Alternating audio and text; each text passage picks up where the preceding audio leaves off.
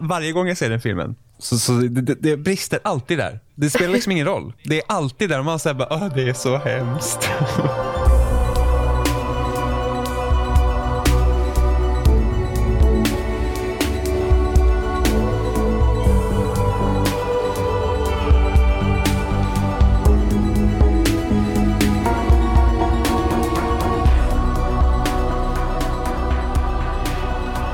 Goddagens och hjärtligt välkomna till den femte episoden av Skämshögen med mig Amanda Sten och på andra sidan internet sitter min kära gäst idag. Från Loading, eh, tillika då en kollega, Jimmy Seppele. Hallå! Uttalar jag Ja. ditt namn rätt? Eh, ja, det gjorde du nog. Jag blev så här tveksam bara, vad har jag sagt, vad har jag gjort? Nej, jag tror inte ens att jag uttalar mitt namn egentligen korrekt om man tänker att det ska uttalas på finska. Nej men Eh, precis. Så att eh, vad som helst går bra egentligen, känner jag. Alltså det roliga är att jag får ju massa varianter på mitt namn och jag borde egentligen inte få varianter för det är verkligen så här sten. Det är jättesimpelt, även att det stavas ju S-T-E och sen ett E med en accent över. Mm. Det är så här, folk undrar hela tiden, ska det uttalas Stein? Eller massa sådana här lustiga varianter på det. Mm, Jag antar tänkte- att det säkert finns någonting eh, som är eh, facit i och med att det är belgiskt vill jag säga, flamländskt. Jaha, vad spännande. För vid första anblick så ser det ju ändå väldigt svenskt ut. Alltså Ja, just men att det är bara är precis. sten. Liksom. Mm. Har någon förfader som kommer därifrån. Inte så jättemånga generationer tillbaka vill jag minnas. Mm. Ja, jag, härs jag härstammar från Skottland. Eh, från början. Coolt. Egentligen McDonalds skulle vi heta. Okej, Och sen bestämde sig någon för att byta till något annat. vad lustigt. Ja, så är det. Skottland, det gillar jag. Eh, Det var väldigt länge sedan jag var där förvisso, men det var en väldigt trevlig upplevelse faktiskt. Mm, aldrig varit. Du borde verkligen åka dit, det är helmysigt. Jag kan inte rekommendera det nog. Jag får göra det besöka mina förfäders gravar eller någonting. Vad fint ändå, så här, lägga en liten blomma. Bara, Jag kände Ja. er aldrig. Nej, men, men här är jag. Hur är det med dig Jimmy, är det bra? Det, det är bra, det tror jag faktiskt. Det är, ny kurs började igår i skolan så det, det, det är mycket att ta itu med. Vad är det du läser för någonting? Just nu läser jag medieteknik B Okej, så att man får hålla på eh, lite med praktiska saker som Photoshop och sådana grejer. åh gud vad Eh. Så, nu, så vi ska starta igång ett projektarbete nu i, där vi ska där vi faktiskt får arbeta med en riktig beställare. Eh, så vi ska ta fram typ lite så här reklamfilmer och affischer och hitta på en hel så kommunikationsplan och grejer. Så att eh, det är en del. Ja men det låter ju väldigt intressant ändå. Jag läste ju media bara på gymnasiet, men det var ju liksom ett väldigt kul ämne eller vad man ska säga. Eller en kul inriktning. Eh, ja, det är det. Det, det, det är det faktiskt. Eh, jag har ju läst medie och kommunikationsvetenskap. Mm.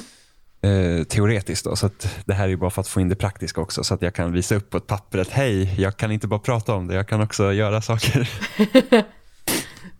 Jag vet vart Så. mina eh, klickfingrar är för någonstans. Liksom. Mm, precis. Men nu vet vi vad du studerar för någonting. Kan du inte berätta lite mer om dig själv? Oj, Hur gammal Eh, är du? Vart bor du? jag, Om du vill jag- säga det. här är min adress och mitt personnummer, gör vad ni vill med det. Precis. Eh, jag är 27 år gammal och jag bor eh, utanför Stockholm där jag också studerar. Eh, uppvuxen på landet, är långt ute i skogarna.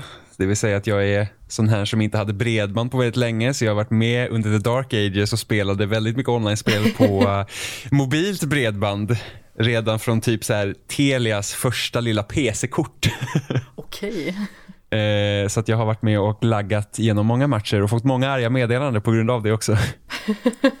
eh, uppvuxen på en hästgård och har tävlat i ponnytrav. Oj, är det Stor del av sant? mitt liv. Jajamensan.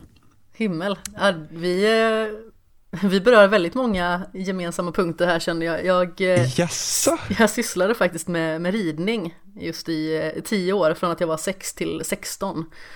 Ah, Fast det var mest kommer, hoppning då. hur kommer det sig att du slutade? Nej, det var ju sådär att jag hade ett väldigt stort intresse i ridning, men jag hade ett ännu större intresse i bowling. Jaså, ja, vilken Eh. kontrast. ja, men exakt. Eh, Så i och med att det faktiskt var så att jag hade, jag tror mer talang skulle man väl bara kunna säga helt enkelt i eh, bowling och jag faktiskt hade kommit in i en elitserieklubb och började tävla och sådär på väldigt seriös nivå. Så blev det bowlingen istället. Gud vad spännande. Va- Vart tog bowlingkarriären vägen sen? Ja, den är ju inte lika i full gång längre, men jag eh, tävlade på elitserienivå i eh, tio år. Oj, Och sen så nu till den här säsongen kände jag att jag behövde ta ett litet steg tillbaka för att jag är, jag vet inte, jag är inte lika relevant längre, jag har ingen liksom chans att komma med i något landslag längre och sådana grejer, utan jag bara kände att, nej men, nu får jag ta det lite piano här och faktiskt eh, fokusera på andra grejer. Och faktiskt hitta tillbaka till att det är kul i sporten. men har det med så här åldern att göra då? Att du inte kan liksom avancera högre upp eller är det... Alltså det var väl mest så här egentligen att jag eh, var väldigt lovande och var med så här i juniorlandslags äh, landslagstrupper och Mm. eh, sådant tills jag tror att det var 21 års ålder för de sänkte så här VM-gränsen så här, till, från U23 till U21 Jaha, och efter det så började det så här sakteliga eh, planas ut när jag liksom inte kom med i eh, U21-landslaget till, eh, till VM. Eh, och ah, jag fortsatte att tävla i några år men sedan så blev det mindre och mindre. Mest för att jag liksom kände att ja, men, min relevans i sporten började tappa så jag är liksom inte lika duktig längre för att jag hinner inte träna lika mycket och sådär. mm. Men vart tog din eh, ponnytravs eh, vägen? Det vill jag veta. Ja, nej, jag, jag, mitt mål var ju liksom aldrig hålla på med hästar när jag blev stor, så att säga. Ah, okej. Eh, så att det var ju liksom aldrig på kartan så. Eh, men jag höll på fram tills jag var 18 och tävlade. Okej. Eh, så jag tävlade med shetlandsponnyer från att jag var Åh gud vad fint. åtta tills man samma år man fyller 16 så får man inte tävla det utan då går man över till Gotlandsruss. Men eh, min syster tävlar ju också. Okej. Eh, och hon fem år äldre än mig. Så att vi, jag körde liksom shetlandsponny och hon körde gotlandsruss. Och sen så jag, jag vet inte, jag fick väl inte riktigt samma framgång med russen som jag hade med shettisarna. Och just för att, ja, det, det var liksom inte heller, det, det var inte min framtid att hålla på med trav överhuvudtaget. Eh, och sen så, sen blev jag ju eh, sjuk i cancer. Så att på Oj. den vägen blev det ju bara då att man eh, slutade så att säga. Alltså, jag, efter det så kom jag liksom inte tillbaka för att ja, det var liksom inte planen helt enkelt. Det var verkligen en eh, tvär vändning får man väl lugnt säga.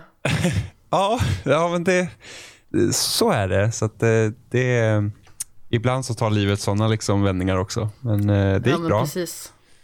Så det, ja, Var det är tio en- år sedan i år då. Ja, var det en lång eh, återhämtningsperiod och sådär? Alltså, det var ändå en ganska så här, mild grad eh, av cancer. Två operationer och sen så var det fick man så här cytostatikabehandling över den sommaren då. Så Okej. jag hade väl kanske en tre, fyra månader bara eh, som jag behövde liksom behandlas med det och sen så eh, en operation i slutet då för att ta liksom bort döda celler och sånt eh, och lymfkörtlar och sen eh, och sen liksom bara regelbundna kontroller efter det. Så jag har en kontroll kvar innan det liksom är klart så att säga. En frisk förklaring med andra ord. Eh, ja, men precis. Eller man säger väl alltid att man typ alltid är i, liksom i in remission om man säger så, eh, när man haft cancer, oavsett. Men eh, sen så de följer inte upp efter den här kollen då om det alltid ser bra ut. Och då är det, det är tio år sedan, exakt faktiskt. Okej. I... Så är det. Alltså jag känner ju igen, eh, inte liksom själva den fasen på egen front, för jag har liksom inte gått igenom det personligen, men däremot så har jag ju gått igenom när både min mamma fick cancer när jag var 13 och sen även- min pappa eh, ungefär 10 år senare.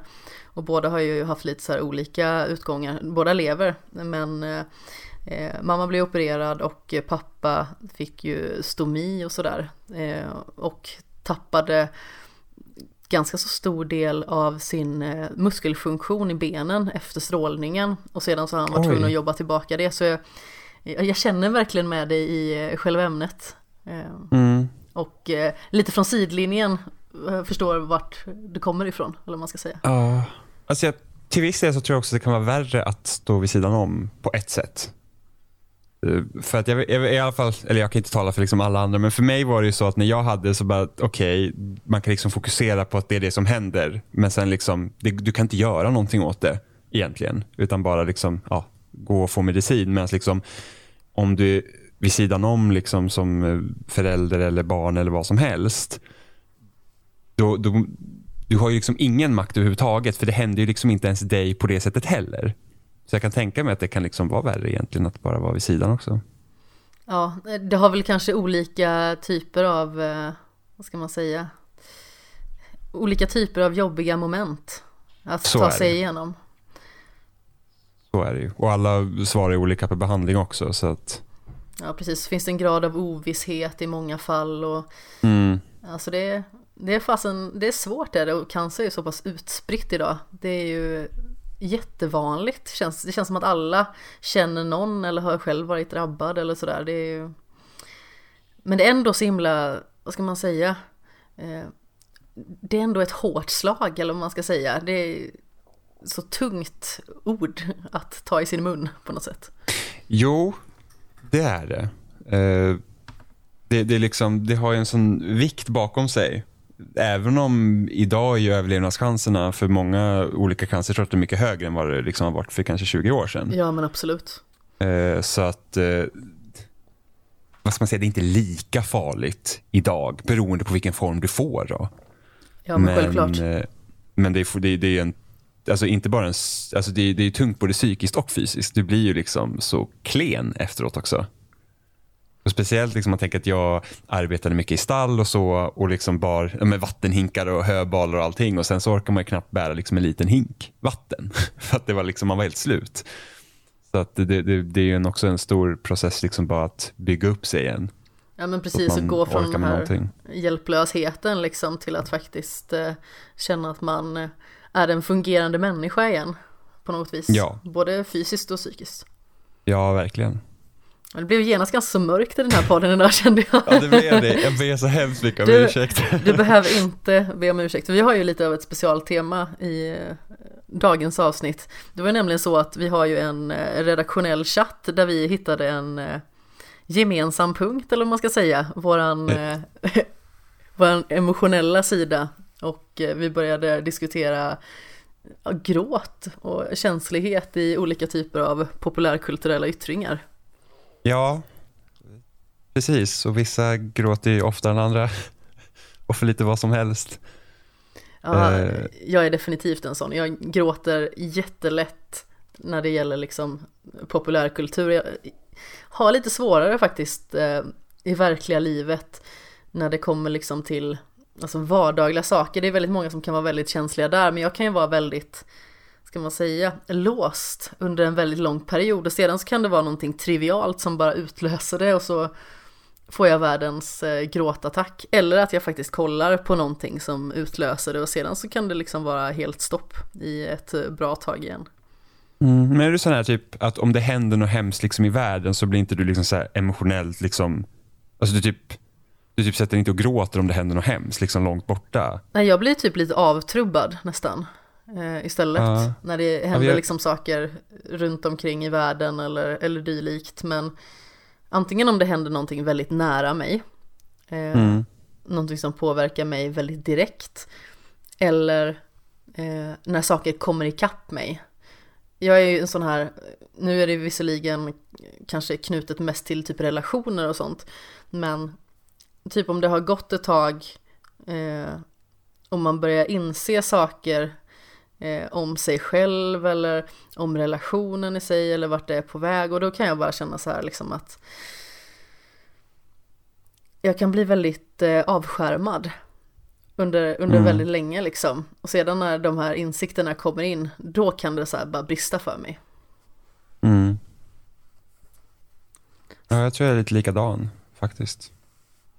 Det är rätt intressant ändå för alla är så himla olika och vissa gråter ju typ inte för något och sedan när Sverige typ tar OS-guld i hockey så börjar de blipa. Ja, det finns sådana också.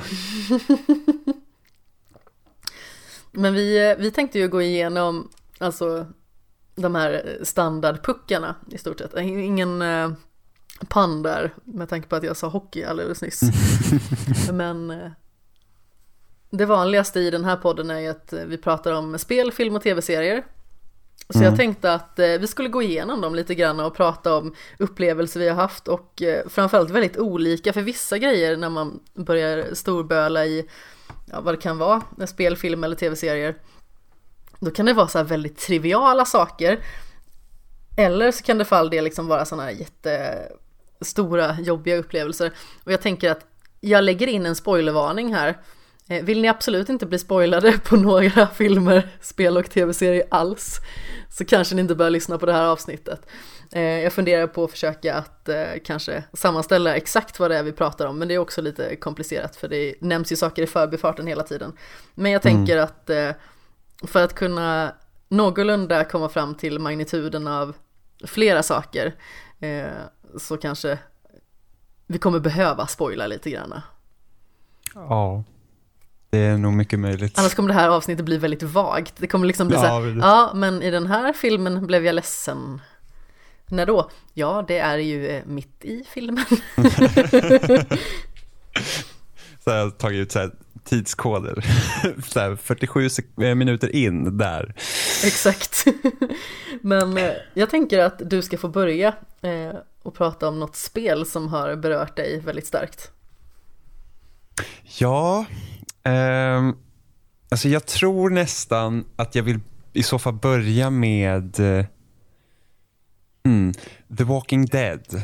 Oj, tror jag oj. känns väldigt bra att börja med. För att det är, jag tror just den här eh, formulan som Telltale körde med det här med att eh, om nästan så här choose your own adventure-stil liksom på spelet. Att man, och det var nästan första gången vi verkligen hade liksom fått följa med en karaktär så länge som vi gjorde med Lee i första säsongen och liksom man, man känner att man liksom har fått forma den på ett sätt. Alltså visst att de har gjort så i Mass Effect också, men det, ble, det var helt annorlunda i, i The Walking Dead just på grund av att men det var liksom ganska episodbaserat. Det var, det var liksom inte flera år mellan spelen så det, det var inte som att man fick liksom Alltså kör du första Mass Effect så har du ändå liksom ett början och ett slut. Så du får liksom någon form av eh, emotionell resonans i alla fall. Medan i, i Walking Dead så var det verkligen så att du spelar ett avsnitt och sen får du vänta kanske två, tre månader och sen får du spela nästa.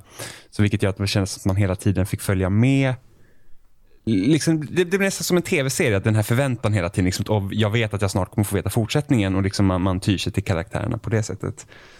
Eh, och jag tror, och, och Jag vill inte prata om slutet i The Walking Dead här för att jag, jag tror att när det var det, det är näst eh, sista avsnittet och slutet av det när Clementine har försvunnit från det här huset man är i.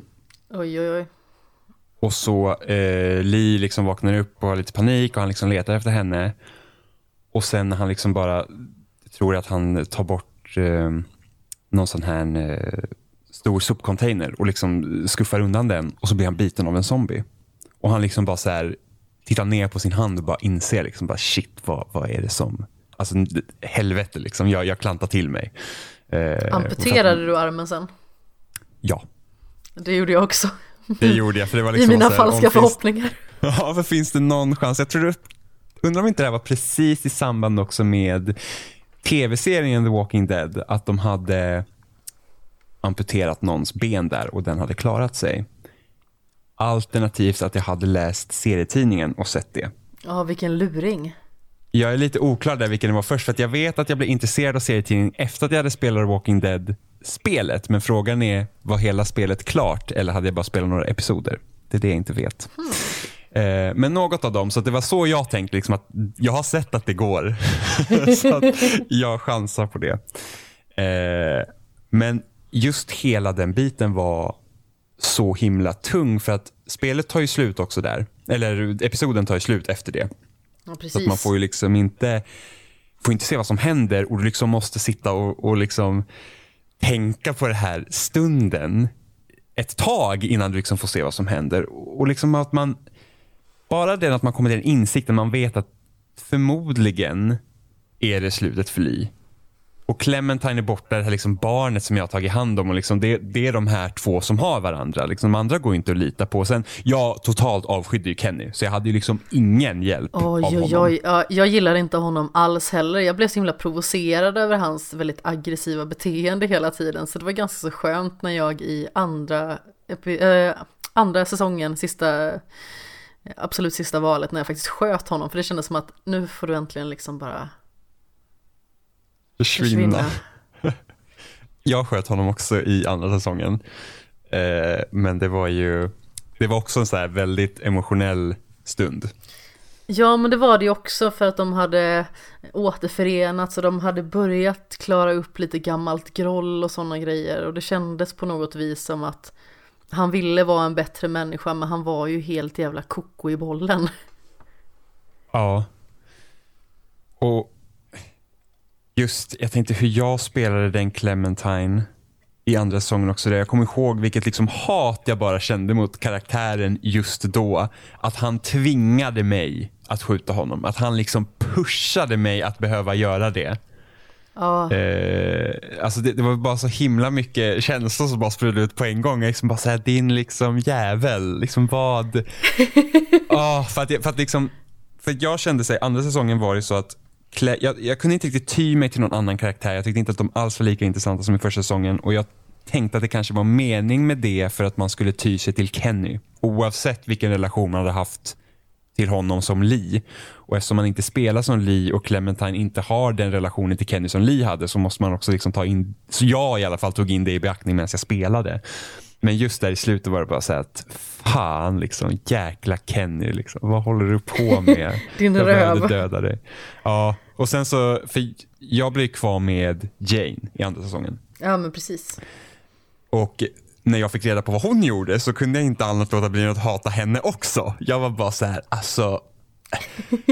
Det, det, det är ditt fel det här också. Men jag kan ju liksom inte, jag känner vad är bäst för Clement än att gå iväg själv med ungen? Det är ju inte hållbart. Så jag måste ju gå med Jane. Det, det finns ju liksom ingen annan väg där för mig. Så, att, så att, det, det var verkligen ett bitterljust slut där alltså. Ja, himmel och pannkaka. Vad hette han, eh, den lite yngre killen i säsong två? Kan det ha varit Luke? Ja, precis, han som eh, drunknade under isen. Ja, det var nog Luke ja. Ja, honom brydde jag mig jättemycket om. Honom tyckte jag jättemycket om och jag blev jätteledsen när det liksom inte gick att rädda honom. För det fanns ju liksom ingen möjlighet att göra det, han hade dött oavsett. Mm. Det tyckte jag var jobbigt. Jag fastnade inte alls för någon karaktär i andra säsongen riktigt. Så jag kommer ihåg. Och jag tyckte inte hon, hon som var gravid, den svarta kvinnan, henne totalt avskydde jag kommer ihåg.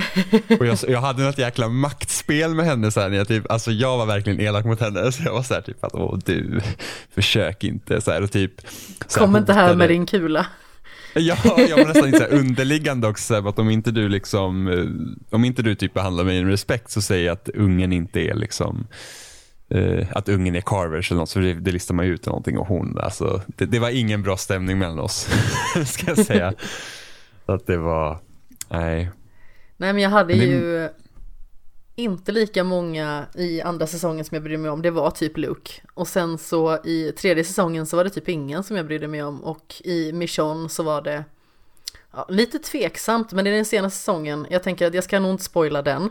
I och med att den är så pass ny och senaste episoden kom för sju dagar sedan. Vill jag minnas.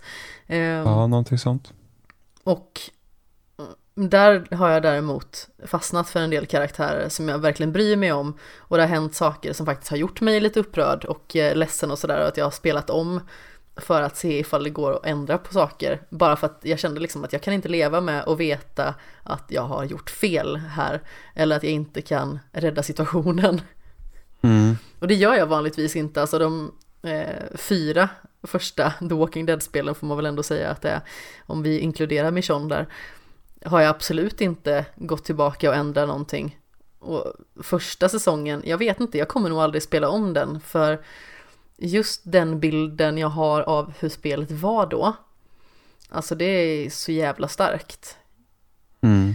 och jag vet att eh, du tog ju upp det här med eh, hur fjärde episoden är det va, eh, avslutas. Mm. Men jag tycker ju verkligen att sista valet i det spelet, alltså jag har aldrig gråtit så hårt någonsin i hela, mitt liv. Och då menar jag verkligen, jag grät hårt. Det var, liksom, det var fulgråt nummer ett. Jag bara liksom storbölade och hulkade och det var nästan så här hade det varit någon annan i närheten då hade jag nästan skämts över mig själv och min liksom brist på att lägga band på mig i det läget. Men eh, Mm. det var någonting med liksom så här tonläget i Clementines röst. Jag kommer ihåg det så himla väl när hon liksom eh, började vädja till Li att inte lämna henne. Och det var verkligen så här bara, "Ha, det här, nej, det här går inte. Ja, nej, alltså det, ja, det, det, var ju, det, var, det var ju hemskt. Alltså, speciellt liksom när spelet slutar där också. Man liksom så här bara, alltså, Framförallt, Alltså, hon är så ung ja, och hon har inga liksom- föräldrar. Nej, och vi, alltså, hon har bara haft mig liksom. Och nu är det bara vi två. Var är det alla andra liksom? Så att det, nej, det, det, det var också tungt alltså. Och det var ju värsta- då man verk, Ja, det värsta av allt var att eh, jag, alltså rationella Amanda, hade egentligen tänkt så här att jag borde skjuta honom på grund av att jag vill liksom inte att han ska vandra, eh, vandra runt som en walker och potentiellt liksom gå runt i ingenting i all evighet. Mm. Men jag kunde inte skjuta honom. Åh nej! Det gick inte. Jag bara sa, nej fan det går inte. Jag kan inte göra det här. Så jag bara, jag sparar kulan. Fast jag gillar ändå hur du kom till den slutsatsen att du inte ville att han skulle gå runt som en zombie. Att jag sköt ju honom, men inte av den anledningen. Utan jag sköt Okej. honom på grund av att Clementine inte skulle gå tillbaka dit. Att hon vet om att han är död. Ah, okej. Att det ska liksom inte finnas någon tvekan om att han är kvar och att hon gör något dumt. Utan det, är, liksom- det får liksom vara avslutat. Ja men precis. Nej som sagt jag, eh, jag var så emotionellt påverkad så jag kunde liksom inte. Och eh, sedan så träffade jag en eh, vän efter det som faktiskt tipsade mig om att spela spelet. För jag spelade lite senare än alla andra. Och det var så här bara, hur kan du leva med dig själv? Och jag bara, förlåt, jag kunde ju inte. Ja. Ja, det var, det var en eh, pinsam dipp i mitt eh, annars lite mer rationella jag. Men eh, jag kunde verkligen inte, det gick inte. Men det är så fantastiskt med spel just det att du kan liksom sätta dig in i någon annans roll. Att du måste liksom, alltså att spel kan pusha och göra de här valen. För att det är ju annat när man kollar på film eller läser böcker och sånt. För du har ju ingen egen agens överhuvudtaget. Ja men exakt. Förutom att du kan sluta titta eller sluta läsa. Men liksom, här Rage-quitta måste- TV. Ja men det är så bara, nej det är bullshit, bara aldrig igen.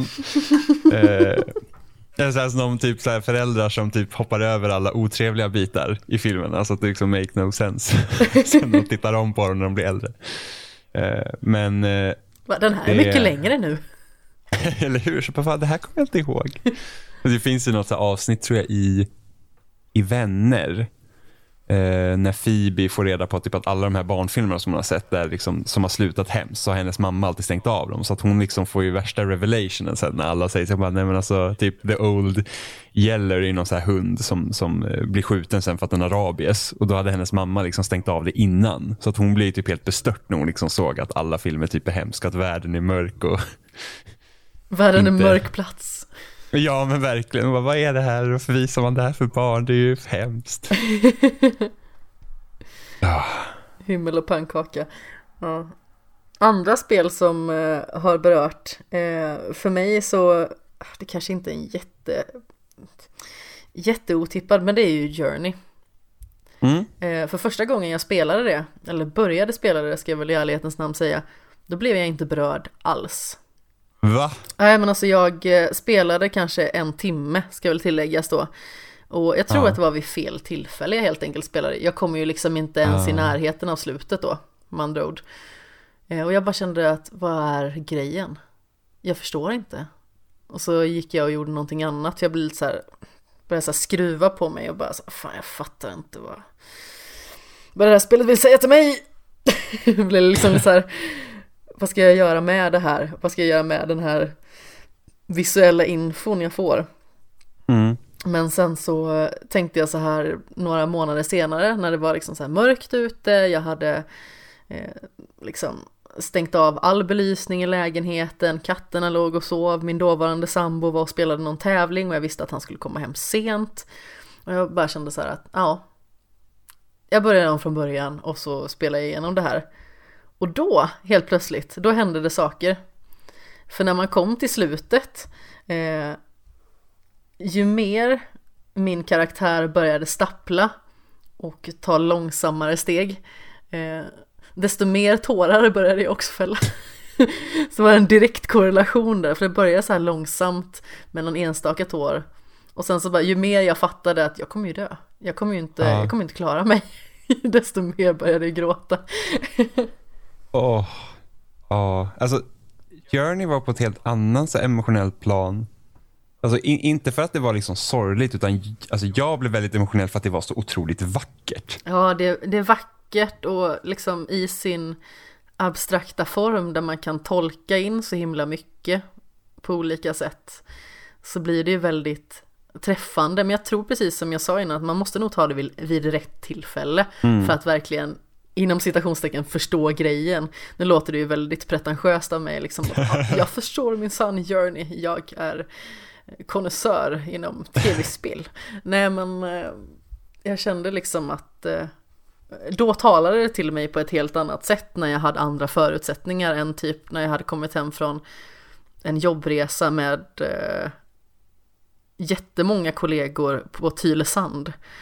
Eh, jag dricker ju typ ingen alkohol och så, men jag var ju uppe väldigt sent och så kommer man hem och så sätter man sig typ och äter glass och känner sig jävligt unken.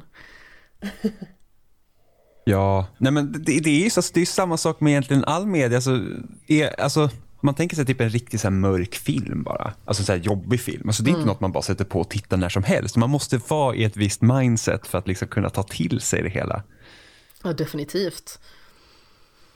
Så jag hade ju sån tur när jag spelade Journey för att jag satt i party med en kompis som också hade köpt Journey och, ah. och, han vanligtvis brukar inte spela den här typen av spel, inte då i alla fall. Så att han gjorde en riktig chansning när han köpte Journey. Och när vi är på, det, det är tidigt spel, man har precis hoppat ner liksom för första kullen och sen när man ska bygga ihop den här bron, ah. då träffar vi varandra. Oj. Så vi, så vi spelade igenom spelet tillsammans. Fast det liksom egentligen inte borde vara möjligt. Alltså eh, det är ju fantastiskt ändå. Ja, så det blev inte bara det att jag liksom fick spela spelet själv, jag fick också uppleva det med en av mina bästa vänner. Liksom. Så att, eh, alltså det var ju liksom helt, alltså just när man, när man liksom glider ner för sanden där, man, man får åka, eh, när, när kameran sveper sig i sidan, så man åker vid de här pelarna och solen lyser in. Alltså det är så fint. Ja, det är ju, det är nästan så att ord man... inte kan beskriva hur vackert det ögonblicket är. Ja, precis. Och sen så kom och sen man kommer då till slutet så här och man stapplar precis upp för berget också. Man så här, det får inte sluta så här. Det kan inte sluta så här. Det, liksom var, det är för hemskt. Och sen så liksom kommer man då till finalen som är liksom bara så här att alltså, det, det är helt liksom, alltså det är ögongodis. Det, det är liksom, man, man liksom bara så här, vad, vad, är det här för en fantastisk plats jag vill vara här? Liksom. Ja men eller hur. Och det roliga är också, sitter man där med typ gråten i halsen och så här eh, halvtorkade tårar liksom som eh, täcker nästan hela ansiktet. Då sitter man bara och gapar som en jäkla fåntratt. Ja, jag tror det. Och jag, jag är inte säker nu, men jag har för mig att det här spelet släpptes ganska tätt efter Mass Effect 3. Det är mycket möjligt, och, för båda släpptes 2012 va? Ja, men jag är inte helt säker, men jag kommer ihåg att det var någonting innan Journey som hade släppts som slutade på ett sånt sätt att jag kände mig så här bara att Journey får inte vara ett spel som slutar så här för att jag vet inte om jag orkar igen. Och jag skulle det misstänka går inte att hålla 3. på. Nej, och jag vet att du inte har spelat Mass Effect 3, eller Mass Effect-serien. Men jag har ganska så bra koll på dem i alla fall, eh, i och med oh. att jag har eh, eh begått synden att faktiskt lyssna på spoilercast om dem. Men det var i en tid oh. jag inte trodde att jag skulle spela igenom det. Men samtidigt tänker jag att min resa kommer vara min och det är så mycket val som ska leda upp till alla olika typer av eh, händelser genom den här trilogin. Ja, det är korrekt. Det, det, alltså för att mycket det som ligger i Mass Effect som är så speciellt är de relationerna man själv skapar med karaktärerna. Eh, och, och liksom hela liksom slutet på Mass Effect 3, liksom innan sista uppdraget börjar, liksom, alltså det, det är bara så att vi har genomlevt det här i tre spel tillsammans. Nu är det liksom, nu är det slutet på riktigt och så man får bara gå Alltså man får bara prata liksom alla i sitt crew och allting och det var ju också något som bara, man blir typ helt förstörd. Det var ju bara så här, nej jag, jag, jag orkar inte det, jag klarar inte det här. Jag kan typ. inte lämna er. Nej, men lite så känns det, för det var ju verkligen så att man, det här är liksom, efter det här så är det definito, det är liksom, det är klart. Uh, och, och jag hade ju så att, den liksom relationen som jag hade skapat då, kärleksrelationen i spelet var ju något som också hade vuxit fram, för det var ingenting som jag hade tänkt på alltså från första början. Och vem uh, hade du som uh, romans? Jag, jag slutade med Tali. Jaha. Oh. Ja, precis. Så skulle jag också reagera om någon hade sagt det till mig att det där är den du kommer liksom vara med. Eh, för det går inte att vara liksom i ett romantiskt förhållande med henne i ettan, även om hon är med. Utan det, jag var med Ashley, också eh, känd som the space racist. ja, men precis. av, av den anledningen till att jag inte ville vara tillsammans med en alien. Så att vad säger det om mig i den situationen liksom, när jag valde det beslutet. Men eh, det var så att ah, jag kände att det var weird att vara med någon blå alien. Eller, och så var det typ Caden. Ja, just det, man kunde inte vara, det fanns nog inte homosexuella relationer i första Mass Effect och jag spelade som kille. Så det var ju Ashley eller, fast, eller Liara. Fast funkar inte Liara i första spelet även om man är tjej? Jo, precis. Men det, det är liksom så här, det är biologiskt förklarat varför en eh, ja, Asari kan vara med en eh, kvinna eller man. För att de, de, de har bara ett kön. Ja, liksom. precis. De är bara inom citationstecken kvinnor. Precis. Eh, så att jag valde Ashley då. Och eh, sen var det under andra spelet. Så jag vet inte. Jag bara fattade tycke för Tali. Så liksom den relationen kom ju fram naturligt. Vilket gjorde att det, det blev så himla mycket mer speciellt. För att annars, så, om man nu tänker bryta ner spel till spel och då, liksom man tänker de systemen som ligger bakom så kan man liksom säga, ja men man väljer en och sen bara den där ska jag satsa på. Istället för att liksom låta, och, och, och många gånger är ju spel kanske inte tillräckligt bra skrivna heller för att det liksom ska organiskt födas fram en relation. Utan man liksom, den där ska jag ha för att, ja, whatever liksom. Eh, men så blev det liksom Tali. Och, och jag kommer ihåg när spelet var för att liksom man gjorde ju framtidsplaner och sånt, men alltså de diskuterar ju liksom framtiden. Och sen så efter att då Mass Effect 3 är slut och då att alla mina hopp och drömmar liksom krossades efter att spelet slut så var det alltså jag vaknade upp mitt i natten och bara så här att What the fuck? Kommer, alltså min, min karaktär och, och den här andra fiktiva karaktären, de kommer aldrig ha ett lyckligt slut tillsammans för att det är kört. Så jag, jag var helt förstörd. Alltså jag, jag, var, jag, var så här, jag fick till att skriva en bloggpost om det för jag var såhär, jag måste få ur mig det här. Vad, vad är det som hänt? så du kan sova om nätterna igen. Ja, så det, det, det, det, var också så jobbigt. Och sen oh. så... Jag är ju typ kär kan... i Liara på riktigt. Jag är alltså... sådär, jag, eh, jag har inte eh, fått liksom svart på vitt romans än, men jag jobbar ju på det. ja, men Liara är inget dåligt val alltså. Men eh, hon och jag var ju mer liksom kompisar om man säger så. Trofast eh, kompanjon. Eh, precis. Och samma med Garrus också. Alltså bara liksom så här kompisrelationer i spel som ja. överlag är ganska, som jag tycker ändå är ett väldigt outforskat område. Eh, som jag gärna hade sett att fler utvecklare gör. Liksom undersöka, liksom, alltså, visa kompisrelationer snarare än romantiska relationer. Ja, men precis. Eh, men man får ju ha det där liksom med Garrus och, och, liksom, och då i mitt fall då också Liara och Rex och alla liksom de karaktärerna. Så att man liksom, eh, det, var ett, det var ett jäkla gäng man fick uppleva det med.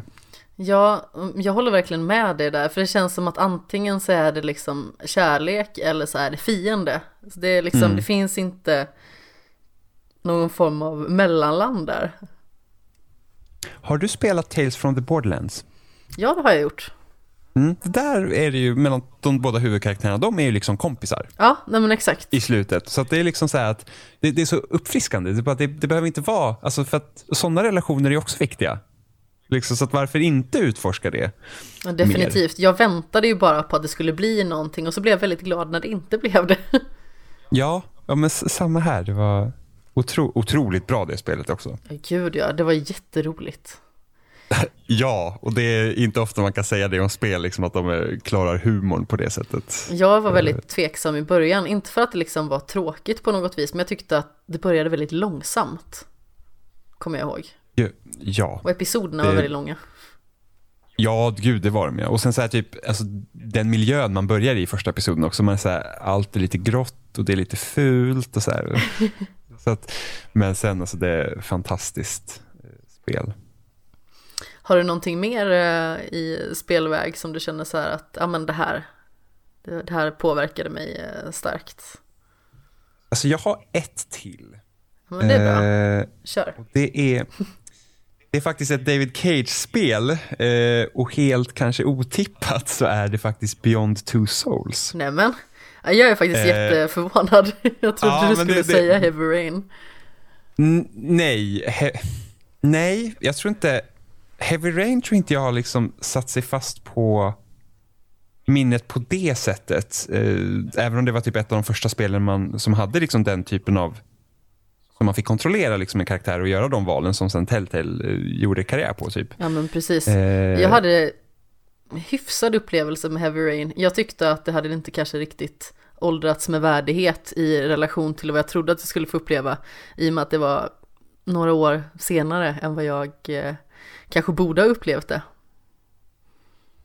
Ja, det, det är mycket möjligt. Eh, Det kändes jag har lite inte spelat det taffligt. sen det var nytt. Jag har inte spelat det sen det kom. Gör det princip, inte. att- nej, jag kommer ihåg slutet var så himla dumt.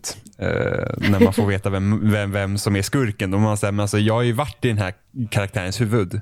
Hur, alltså, spelet har helt bara liksom ljugit för mig. På, på ett sätt som inte ens, alltså, så, så manipulativt dåligt. För att det är liksom, ja nej, så det är arg blir jag om jag tänker på det. Eh, Men åter till Beyond. Ja, och det spelet är väldigt bespottat för att vara fruktansvärt dåligt å andra sidan. Ehm, men jag tror, det har också lite att göra liksom under vilket tillfälle i livet man är. Det kan det Eh, säkert och- vara. Det är ju så väldigt mycket grejer. Ja, och, och jag, jag bodde fortfarande hemma vid det här tillfället eh, och hade ing, jag arbetslös, hade inget körkort eh, och jag tror jag tror var det året och min mamma hade stuckit också. Hon hade lämnat liksom både mig och pappa liksom i ekonomisk kris, om man Oj. säger så. För att de misskött eh, ekonomin helt enkelt. Eh, så, så att det var liksom bara så här att, ja men det var en väldigt jobbig period. Och så spelade jag Beyond Two Souls. Och just de här delarna, just när, när hon, hon liksom utsätts för en situation där hon inte har någon kontroll. Eh, och speciellt när man liksom, när hon, man får liksom reda på det här att ja, men hon har de här krafterna och liksom typ CIA vill liksom utnyttja henne och det här. Och hon är på det här, typ något läger. Och så kommer ju eh, Willem Dafoes karaktär och ska liksom hämta henne. Eh, så man måste liksom packa man måste packa ihop sina grejer i det rummet man bor i just då. Nu har jag ju inte spelat det, men är det typ att han ska liksom inom citationstecken rädda henne? Nej, utan det, jag kommer inte riktigt ihåg detaljerna, men man, man är någonstans. Jag tror inte att man är hemma som henne, utan man, man är någonstans. Om man är i typ någon CIA-byggnad eller vad som helst. Eh, och han kommer för att ta henne därifrån, någonstans hon inte vill åka. Ah, okej. Alltså hon, hon, hon, hon liksom så här, hon vill inte göra det här och hon har liksom ingen, ingen eh, hon, kan, hon, kan, hon får helt enkelt inte bestämma. Eh, och så får man gå och packa ihop alla hennes saker och det hon ska ha med sig. Och hon, och man liksom, hon går liksom slokande och liksom bara är så jäkla ledsen. Och jag, jag tror jag bara kunde relatera så himla mycket till det. Att jag liksom bara så här, alltså, för jag bara visste exakt hur det känns. Eh, och och det, det gjorde liksom att det spelet blev så speciellt för mig där och då. Just för att hon, liksom, hon hade bara ingen kontroll över det som hände. Sen så finns det ju otroligt mycket bullshit i det spelet också. Och liksom hur, hur, det, hur det slutar är liksom, alltså den typ lilla så här typ, eh, vad ska man säga, after credit-scenen kan vara bland det löjligaste jag har sett i ett spel. För det gör en sån jäkla vändning helt enkelt. Men var det rimligt tills att det kom till den här after credit-scenen? Nej! Nej! Det är alltså- eller, så, eller så här, Blev det, det, Jo. det var dåligt så blev det bara värre, eller?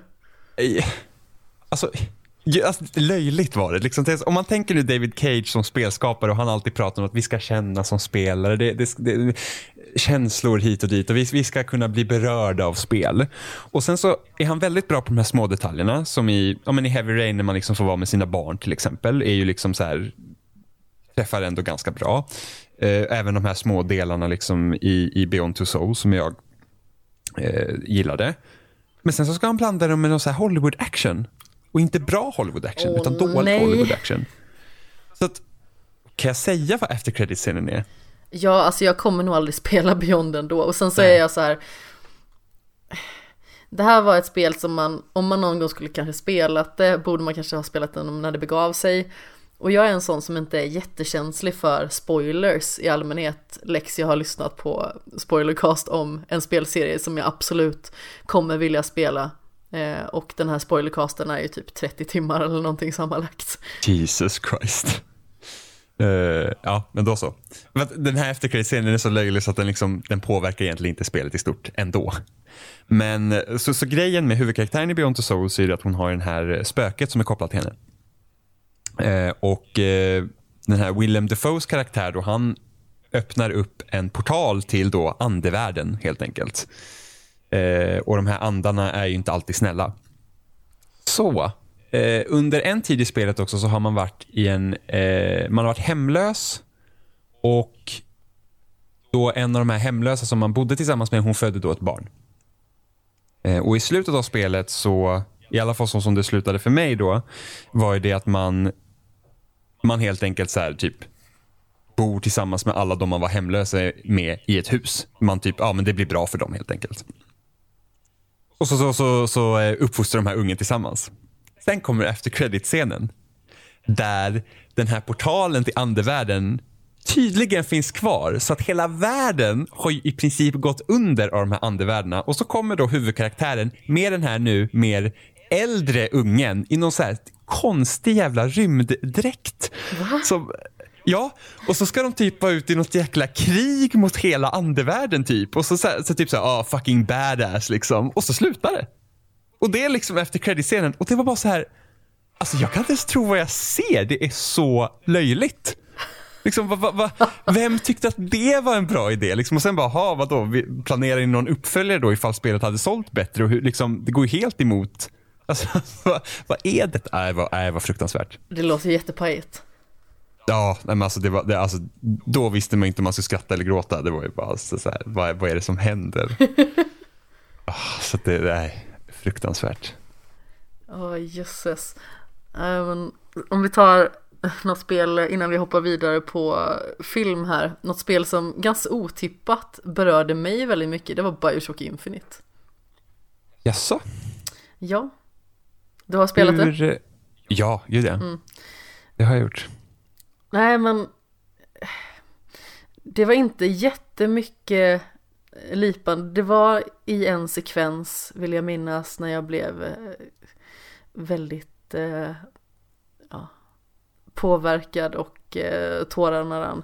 Jag vill minnas att när det är liksom att eh, man börjar förstå hur det hänger ihop och sedan så kallar han på sin dotter. Och jag vill minnas att det är när Comstock, som ju faktiskt är Booker, eh, när han hämtar dottern eh, genom en tear. Också Mm. där Elisabeth, eller Anna som hon egentligen heter, när hon förlorar sitt finger. Där vill jag minnas att jag tyckte att det var väldigt eh, ledsamt och jobbigt på något vis. Men eh, det roligaste med det här spelet det var att jag blev helt jag blev helt klar av det här spelet. Jag eh, kollade igenom alla eftertexterna och sedan så kommer ju det här liksom när han kommer in i eh, barnkammaren och så frågar han eh, Anna, är du där? Eller någonting i den stilen. Och jag bara sitter där som en förbaskad fågelholk och jag tror att jag sitter sån med svart skärm kanske en halvtimme och bara kollar. Eh, och sen, jag, jag orkade liksom inte spela något vettigt spel inom citationstecken, alltså med kanske lite tyngre berättelse och sånt. Jag orkade inte röra det på hur länge som helst. Det jag liksom mäktade med på sin höjd, det var typ så här Ratchet and Clank. Jag bara kände att jag, jag klarar liksom inte av det här. Det går inte mer. För jag var verkligen, jag var så jäkla klar när jag hade spelat färdigt Bioshock Infinite. Så jag var ju bara typ... magnituden av det slutet, liksom bara som hänger över Alltså först bara liksom försöka ens reda ut tankarna om vad fan det var som just hände liksom. Alltså, för mig var det väldigt storslaget. För att jag, precis som jag deklarerat tidigare i både den här och säkert några andra poddar också, så kom jag in i spelvärlden där jag började spela mer seriöst eh, lite sent. Vilket då innebär liksom att jag hade en del upplevelser som antingen jag behövde ta igen eller jag, jag, började liksom mer och mer förstå att spel kan vara så himla mycket mer. Och det började ju med Batman Arkham Asylum till exempel som var ett helt fantastiskt spel och sedan så började jag bygga upp med mer upplevelser som verkligen fick mig att förstå att det här kan nå en på så många fler känslomässiga plan än vad till exempel film och tv-serier kan göra. För att det är liksom Visst, det kan byggas upp i lager och det kan med sitt berättande komma fram väldigt mycket känslor. Men interaktionen, det är liksom, det gör så himla mycket för sina upplevelser. Att man är så involverad i handlingen. Mm. Så ja, jag tror det... att det var det som träffade mig väldigt hårt också att Eh, jag hade spelat några upplevelser som började få mig att inse liksom att vilket fenomenalt medium spel är egentligen. Och sen liksom när det här spelet träffar mig och jag blir helt bara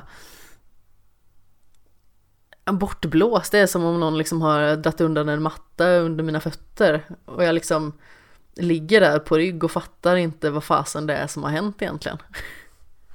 Ja, det hände ju så mycket under förra generationen också. Alltså just, alltså du hoppade verkligen in liksom i en bra, alltså under en bra tidsperiod liksom där mycket saker hände i hur man berättar eh, saker i spel. Ja men definitivt. Det var ganska så tidigt i eh, Playstation 4-eran som jag kom in. Jag kom in typ, jag vill minnas att jag började se mig själv som en liksom tv-spelande person runt 2013 någon gång under det året. För jag började talla lite löst på eh, spel eller sådär eh, mm. 2012. Alltså jag hade ju spelat andra saker innan men det var ju liksom inte alls på samma nivå kände jag. Och sedan mm. så började jag utforska spel mer eh, från och med slutet på 2012, början på 2013.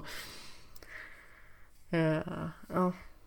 Så det, det var ju början på en ny era och det hade ju inte kommit så jättemånga spel till eh, just Playstation 4 som var sådär jättemycket att hänga i granen egentligen utan det var liksom dubbletter potentiellt liksom sådana som släpptes både på Playstation 3 och på Playstation 4 och jag skaffade Playstation 4 ganska så sent ändå. Det skaffade jag som utflyttningspresent till mig själv när jag separerade. Mm. Så det är bara tre år sedan jag haft eh, den läkaren. rackaren. Men eh, det är väldigt många eh, spel som eh, finns på Playstation 3 som har påverkat mig väldigt starkt för det var det vi hade liksom.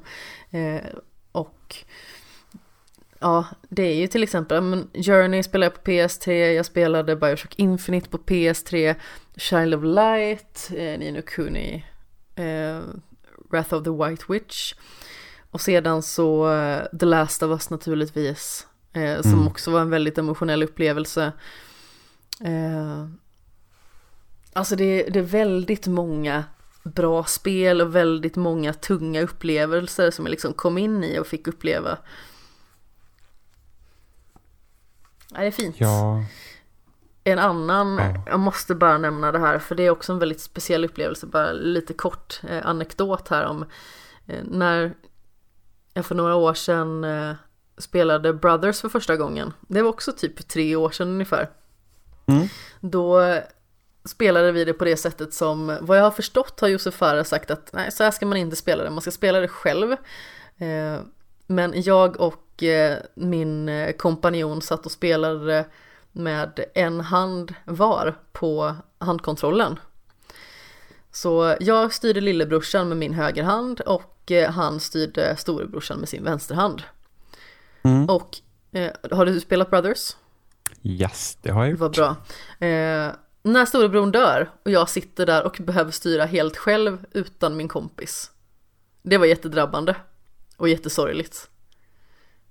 Men det kan ju verkligen tänka, det blir ju en helt annan grej då, för att då är det ju liksom, Då har vi spelat ihop hela tiden och sen bara försvinner Ja. och så sitter jag där helt ensam och lämnad. Ja men det blir ju verkligen, alltså, ja, vad spännande.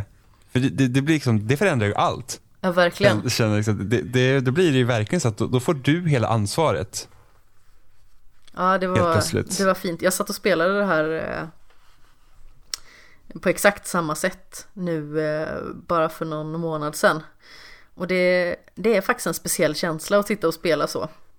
Mm. Jag tycker det, det är väldigt fint. Jag, jag rekommenderar alla att testa att spela spelet på det sättet faktiskt. Spela inte som Josef Fares vill att ni spelar. Nej, precis. Bestäm själva, ni är egna Ja. människor. Ja, men gud vad spännande. Det har jag inte ens tänkt på hur det liksom ska kunna resonera på det sättet. Man gör så. Spännande, du får testa. Ja, jag är inte så förtjust i Brothers överlag, men det... Ah, okej. det, det, det, det Oturligt. Ja, precis. Alltså, jag, jag, förstår, jag förstår grejen, men eh, jag var inte överdrivet förtjust i det. All right. Jag tänker att eh, vi skuttar över på lite film.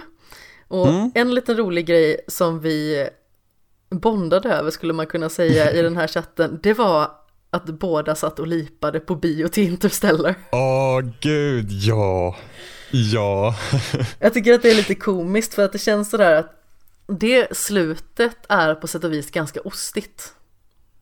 Men just hur det presenteras tyckte jag var, det kändes så himla storslaget och både jag och min kompis som jag var med, eh, som jag var med och såg filmen ihop med, Mm. Alltså båda satt ju och liksom, vi kollade ju på varandra vid något tillfälle igenom den här sekvensen där det liksom strålar en massa ljus och musiken är så suggestiv. Vi typ sneglar på varandra och bara, du också? Jajamän.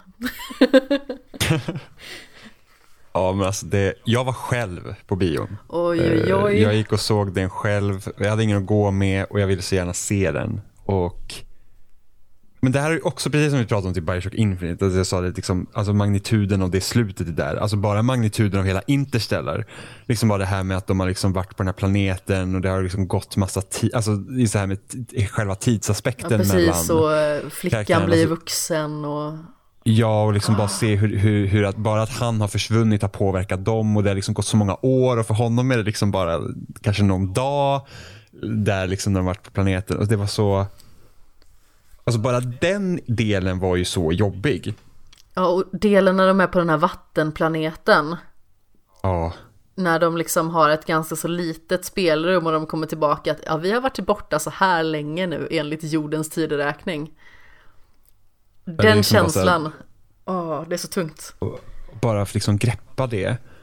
Och sen när man kommer då till slutet när, liksom, när de äntligen får träffa varandra igen och det är liksom så här att Så Om man nu fint. tänker på he- hela tidsaspekten, liksom att de, de, de har hela tiden behövt hjälpa varandra för att annars ska han inte komma till den punkten. Och bara det liksom så här bara att han bara står där och bara känner liksom att han har inte varit borta så länge. Men han har missat hela hennes liv. Han har liksom inte ens haft någon chans att processa det hela. Liksom, inte för, alltså för honom är det bara så att ja, men det har gått några månader, kanske max ett år liksom, sedan han såg henne sist.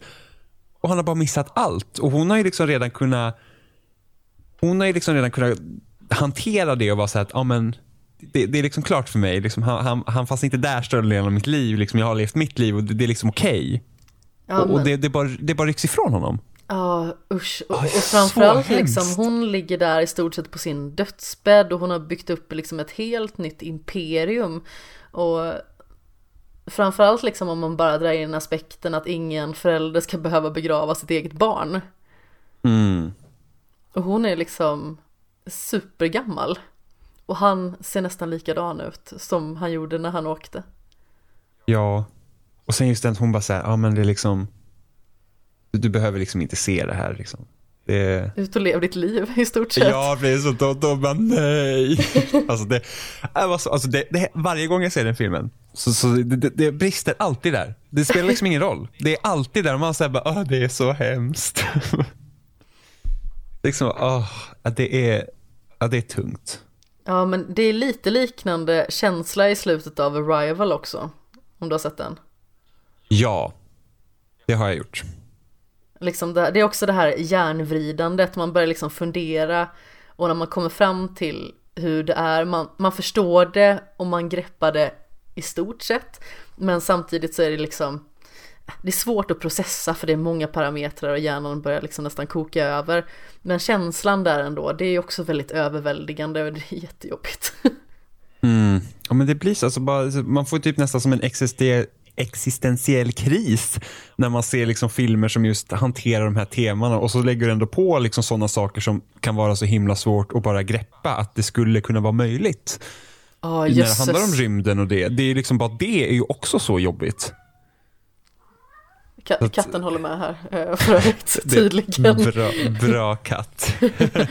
Nej men jag är ju en sån här person också som kan liksom börja sitta och i stort sett kolla ut över horisonten och börja begrunda sådana här riktigt dumma saker, liksom typ hur stort är universum-grejen har jag ju eh, påbörjat väldigt många gånger och så får jag ju ont i huvudet. Eh, och jag är ju även sån här person som börjar fundera på om jag verkligen finns på riktigt och sådana grejer. Vilket är så hur dumt som helst, men samtidigt så eh, det får mig verkligen att känna eh, extra mycket i de här filmerna för att jag känner att eh, det är så mycket som vi inte förstår.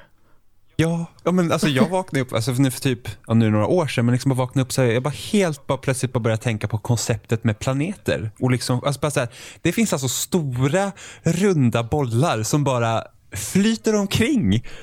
Och det är och inget vad, konstigt med det. Nej men så bara, vad är det för något? Det är, det är helt, det är helt absurt. Så bara tänker man vidare på det här och bara så här, men alltså det, jag är så obetydlig.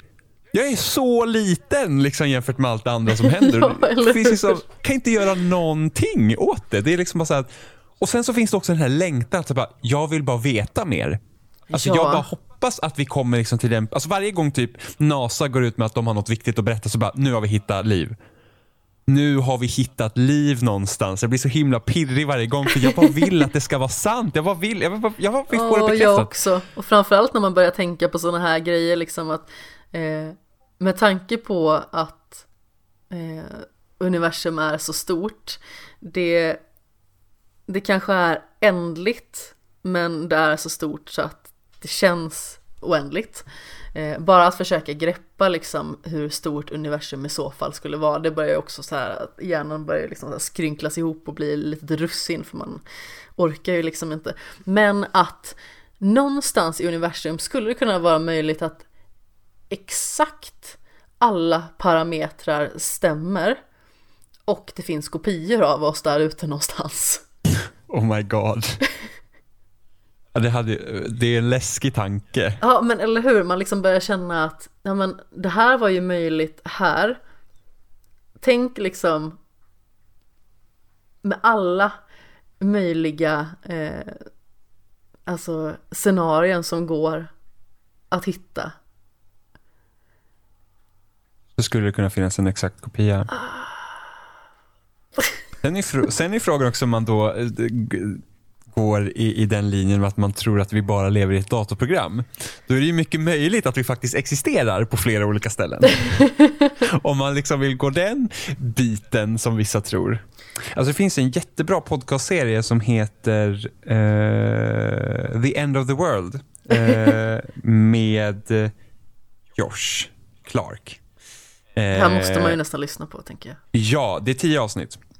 Och där går de igenom så olika grejer, eh, liksom hur världen går under. Men för att kunna veta det så måste man också veta liksom så här, Alltså för det handlar liksom om när, när, mänskligheten går under snarare. Så då går de liksom igenom det här också. Hur stor chans finns det att det finns andra civilisationer och vad, vad liksom, hur kommer det sig att vi inte har träffat på någon? Kan det bero på att de har kommit till en punkt där de har förgjort sig själva? För det finns vissa teorier om det också. Att en civilisation kommer till en viss gräns och sen så tar det slut.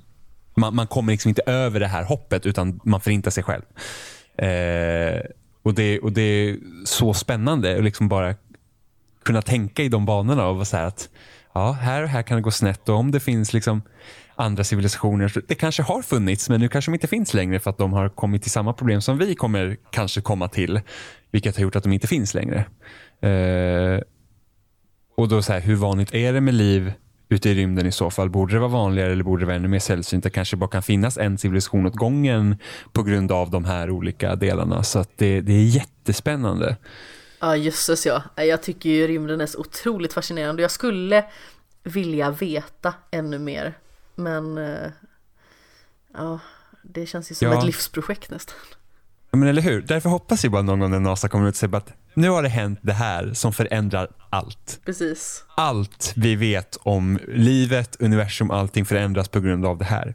Såg du förresten att det kommit en artikel, om det var 2017 så var den här, typ det här jättelånga obje, eh, liksom objektet som, hade, som man bekräftar kom från ett annat solsystem. Oj nej, det här har vet- jag missat. Vi vet om att det är ett objekt som liksom rört sig genom vårt eh, solsystem som inte kommer från vårt solsystem. Det kommer från annanstans ifrån. Eh, Vet man vilket är väldigt spännande. Nej, Ah. jag tror inte det. Eh, och, och det, man, liksom så här, det var ingen komet för att den hade liksom ingen svans på det sättet och, och sånt där. Och så var det en professor då, eller forskare, som sa att det är mycket möjligt att det skulle kunna vara ett solsegel från en annan civilisation som har skickat ut såna här liksom sonder till flera olika ställen och Oj. först nu har den kommit hit. För att det är liksom, ja, det, det, det är inte säkert liksom, men, men han sa att på grund av de här, de här grejerna så skulle det kunna fungera så här och så här och därför skulle det kunna vara en sån bit. Eh, så att jag tror, undrar om inte det var New York Times som hade en sån eh, artikel, men den borde du kolla upp för att det var så otroligt spännande och någonstans inser man så här, ja det är ett solsegel. Något hittas till slut. eh, eller något sånt. Och det, det är mycket möjligt att också, om vi säger att det nu potentiellt är gjort av en annan intelligent art så eh, är det mycket möjligt att den civilisationen inte finns längre. så, så att det, Med största sannolikhet. ja, Precis, så att eh, det, det, det är väldigt spännande. Och det är bara så ah, nej, det, det, åh, jag, vill, jag vill så gärna att det bara ska komma någonting. Någonting så att vi får veta. Ja, vad som verkligen. finns. Men eh, hur långt hopp är det från solsegel till nästa film som du har med? Åh, nästa film. Det, är så, alltså jag, det finns många filmer som man har så här. Alltså jag, jag tycker om att titta på så här mörka draman. Alltså jag, är- jag är verkligen så här, typ Jag att också. ju svartare det är, ju bättre. Liksom. Eh, för att av nå- någon anledning så blir jag väldigt liksom så här, eh, fascinerad av mänskliga missöden. Ja men jag också. Har du eh, sett, eh, bara som en liten inflikning, eh, Das Leben der anderen, alltså The Life of Others. Nej, Gör det har det. jag inte gjort. Det är eh, Det- en av mina favoritfilmer. Och den låg i min skämshög väldigt länge. Och, men det var också så här, man behövde verkligen ta den vid rätt tillfälle kände jag. Det var nog därför det tog så lång tid att se den. Men Mm. eh, det handlar ju om eh, efterkrigstiden i eh, Tyskland. Och eh, om hur konstnärer blev eh, avlyssnade, eller ja, sådana som sysslade med konstnärliga yttringar, alltså författare, skådespelare och liknande. Eh, bara för att många trodde att de hade någon form av underliggande agenda med eh, sina mer kreativa yttringar.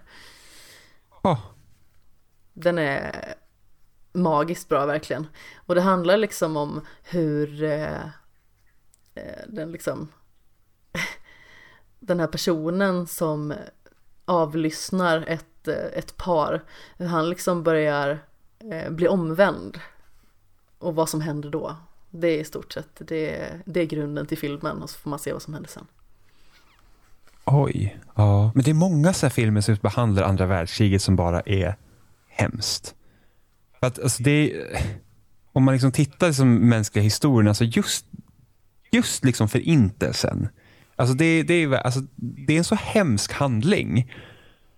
Äh, Liksom att, att det kunde ske i, liksom, i, i, vårt samhälle. Det är liksom helt otroligt. Och att folk egentligen. faktiskt förnekar det idag, det är ju ännu Ja, hemskare. det, det, är så, alltså det är som att spotta på liksom alla som blir drabbade av det. Alltså det, det är, inte för att inte människan har varit hemsk genom liksom historien, men liksom, om man tänker nu att liksom andra världskriget var ändå i vårt typ moderna samhälle. Och, och liksom det som ledde fram till det. Eh, jag har läst i, i höstas nu så läste jag en kurs om brittisk litteratur där vi faktiskt gick igenom de här sakerna. Liksom hur man har genom litteraturen från Shakespeare, alltså från att den, den moderna eran började till, andra värld, eller till världskrigen. Då. Och varför liksom saker som typ rasism och, och det här klassamhällen liksom har uppstått och vad det har gjort med människorna som, som ledde fram till andra världskriget. Det här låter superintressant. Eh, Ja, alltså det var en sexpoängskurs. Jag hade önskat att den var bra mycket längre för att jag hade verkligen bara velat djupdyka i allt. Det var så intressant. Eh, men just det här med att ja, men slaveriet blev ju förbjudet, vilket gjorde att eh, eh vilket gjorde att, att de likställdes med arbetarklassen, vilket skapade då rasism, eller liksom, liksom är grunden för rasism på det sättet. Uh, inte för att det inte existerade tidigare, men det liksom blev på en helt annan grej. Så att om man tänker att, typ att ja, men, svarta människor liksom blir förslavade är ju en rasistisk handling. Men nu ska liksom du ha det är förbjudet, så nu ska de egentligen liksom vara likvärdiga, men ändå inte på grund av att vi har ett kapitalistiskt samhälle, vi, vi har skapat en arbetarklass som är fattiga och för att de ska liksom kunna slå ut så, så, så attackerar man en grupp som ser annorlunda ut helt enkelt. Eh, och hur liksom de olika, liksom då, som min lärare då kallade olika crisis för den moderna eran då ledde fram till andra världskriget som gör att vi faktiskt kan att vi kan liksom ta en hel liksom grupp människor som judar då och, och utrota dem. Alltså ett försök till att utrota dem och att det här att man att man i det här som egentligen är ren galenskap ser någonting som är vettigt. Folk tyckte att det var vettigt. Så det, det liksom var helt sanslöst att, att det kunde hända. Så det väldigt intressant kurs. Så att om man någon gång vill läsa engelska på Södertörns högskola så kan man läsa det. att det var sjukt intressant. Alltså det låter ju eh. vansinnigt intressant. Men förlåt, jag avbröt dig när du skulle säga vilken film du ville prata om. Ja, eh, nej men, Mörka draman. ja, men bara så på andra världskriget vet jag också att typ en av de eh, så första filmerna som man verkligen reagerar på såg vi faktiskt i skolan. Eh, då, för man har ju alltid, i grundskolan går man alltid igenom det här med förintelsen och det varje år tror jag. Man har någon så vecka där man vi hade i alla fall i vår skola. Jag tror att vi hade det också faktiskt. Ja, för det, jag tror det är i samband med kristallnatten att man liksom går igenom typ och pratar om det som hände. Eh, och den filmen hette Ön på Fågelgatan, har jag för mig. Okej. Okay. Som, som handlar om en pojke som, eh, som bodde i det är så alltså jag, eh, jag kan vara 10-11 år när jag såg den här så jag kommer inte ihåg så himla bra. Men bara för att du, du nämnde andra världskriget så bara kom jag att tänka på det. Men då, han bor ju men de bor i Tyskland och han och hans pappa gömmer sig då för att inte bli upptäckta. Och Sen så hans pappa blir tagen men han liksom bor då på den här gatan och liksom gömmer sig. och Det, det är liksom bara så här, alltså det är bara så hemskt. Eh, men den filmen jag tänkte först på det var, heter Precious. Eh, och Den handlar om en, eh, en, en svart familj helt enkelt i, i USA. Eh, och, och deras dotter då Precious, där hennes pappa förgriper sig på henne. Eh, och hon, är liksom, hon, är, hon är gravt överviktig och har typ så läs och skrivsvårigheter och grejer. Och Det liksom bara handlar om typ hur hennes liv och liksom hennes vardag, liksom, och liksom ta sig igenom den. Eh, och sen hon blir gravid också med hennes pappa som pappa. Då. Eh, och den oh, är bara så, o, ja, alltså den är så otroligt tung eh, att titta på. Men jag undrar om inte hon var Oscars-nominerad för den rollen, hon som spelar huvudrollen. Jag vill minnas det också. Jag har inte sett filmen. Det gör ingenting om du eh, råkar spoila någonting. Det är helt lugnt. Men jag, eh, jag vill också minnas att eh, så var fallet där. Mm. Jag kommer inte ihåg så himla mycket detaljer. För Netflix var precis nytt i Sverige. Eh, när, och då var det ganska mycket udda filmer som kom upp. Liksom, så att man, man tittar på en del filmer som man kanske inte liksom vanligtvis kanske hade så åh, det där är en film som alla vill se. Liksom. Jag önskar att det var mer så nu. ja, jag med. Alltså, jag, ja, jag också. Jag vill liksom ha de här typ indie-draman brukar jag kalla dem. Så här, lite så här ja. udda filmerna. De är Ja, men lite mörker. Jag vet inte, jag är väldigt förtjust i den typen. Ja, men jag är också väldigt förtjust i mörker. Alltså både, eh, jag kom att tänka på det när vi pratade om eh, andra världskriget och sådär. Eh, och den här filmen som du hade sett, då tänkte jag även på La Vita e Bella. Alltså Livet är underbart med mm. Roberto Benigni. Eh, det här med att en familj splittras och pappan och pojken blir tagen till ett eh, koncentrationsläger och eh, mamman blir förd åt ett helt annat håll. Eh, den, den är väldigt eh, tung också och väldigt fin. Mm. Sedan så var det någon mer jag tänkte på, vad tusan var det? Jo, på tal om väldigt mörka draman, har du sett eh, Incendies, alltså Navals hemlighet? Nej, det har jag inte gjort. Den blev nominerad, vill jag minnas, till Oscars för årets bästa utländska film det år den kom. Eh, För den är ju kanadensisk, det är ju eh, Denis Villeneuve som har Mm. eh, regisserat den filmen. Och den är ju Mm. fransktalande, så den är ju kanske lite bortflugen från folks radar eller man ska säga, men den är den är ganska så långsam och jag tror att många kanske skulle kunna störa sig lite grann på det. Men det är så himla värt det för upplösningen. Den är så intrikat och så besvärande. Alltså inte på ett, liksom att man blir irriterad utan man bara undrar vad tusan var det som hände här? Hur kunde det bli på det här viset? Vilket, vilket livsöde. Ehm. Mm. Det låter jättespännande. Ja men verkligen, det handlar om en, eh, en kvinna som eh, kommer till Kanada och eh, har med sig ett tvillingpar. Hon är ensamstående. Mm. Och man får i stort sett följa filmen från att hon dör.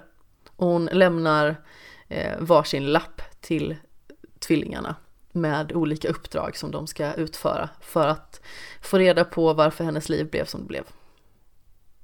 Åh, spännande. Så varm rekommendation. Ja, men det måste jag. är väldigt dålig i vanliga fall att titta på film. Det är mycket jag har missat.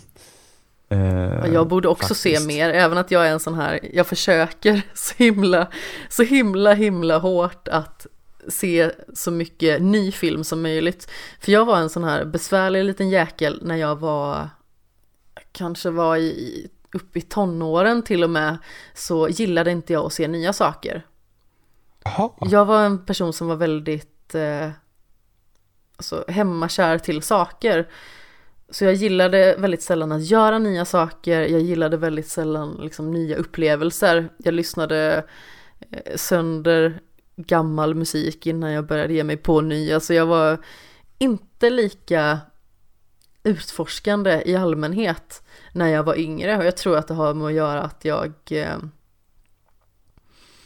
alltså är väldigt eh, det är så tråkigt med det här med introvert kanske inte riktigt rätt ord men jag har ju liksom varit lite sådär eh, jag sluter in mig väldigt mycket och jag gjorde det när jag var liten och då återkom Mm. jag oftast till saker som var bekanta och sådana som kändes som att det var trygghet och sådär. Mm. Ja, men det kan jag ändå förstå. Man kan vara. Um, Men jag har ju mer varit tvärtom. Jag har ju kört nya grejer och sen inte velat se äldre grejer. Eh, och det är först på senare år som jag känner så att ah, men typ en film från 70-talet är inga problem. Det kan vara jättekul att titta på till exempel. Så jag hade inte sett Taxi Driver till exempel. Den så såg jag också väldigt sent, jag tror jag såg den förra året. Ja, men typ här jag också. Den fanns på Netflix. Så jag bara, men jag kan se på Taxi. Så bara, fan den är ju bra liksom. Den är Så att, jättebra. eh, Deer Hunter också en sån film, den är så förbannat lång men eh, den är också värt det. ja, jag vill ju se två, eh, Ett rymdäventyr 2001. Eh, Jag har sett halva. Ja, jag har det på min Netflix-lista den har varit där ett tag nu, men det är så att jag måste vara i rätt mindset när jag Ja. ska titta på den, för att Jag- den är så lång. Jag tror det också. Ehm, Jag som sagt såg halva, tyckte det var bra, men jag kommer inte ihåg. Jag tror att jag började se den en veckodag för att jag fick ett infall eller någonting och sen så har den liksom stått här och kollat på mig surt i hyllan som vissa grejer gör. Ja. Det blir ju lätt så. Eh, På tal om det här du började prata om att du gärna ser så här mörka indie-draman, alltså sådana lite smalare grejer. Mm. Har du sett Me and Earl and the Dying Girl? Nej, men jag har hört talas om den. Det känns väldigt eh, bekant. Alltså, nu tänker inte jag spoila den här för det det är inte liksom eh, värdigt för jag tycker att du ska eh, se den. Eh, men det är en super, super drabbande film. Eh, det handlar ju om en uh, ung flicka som uh, får veta att hon har cancer. Mm. Och vad som händer med henne. Hon har en, en nyfunnen vän som från början är lite sådär hans mamma typ tvingar honom att gå och umgås med henne bara för att hon är sjuk. Hey. Och sedan så växer det en vänskap fram här.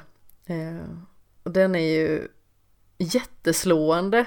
Och eh, på slutet minns jag att eh, jag satt, det var lite som i, i Bioshock Infinite fast med tårar. Eh, det här när man bara sitter och gapar och vet liksom inte vad man ska ta vägen.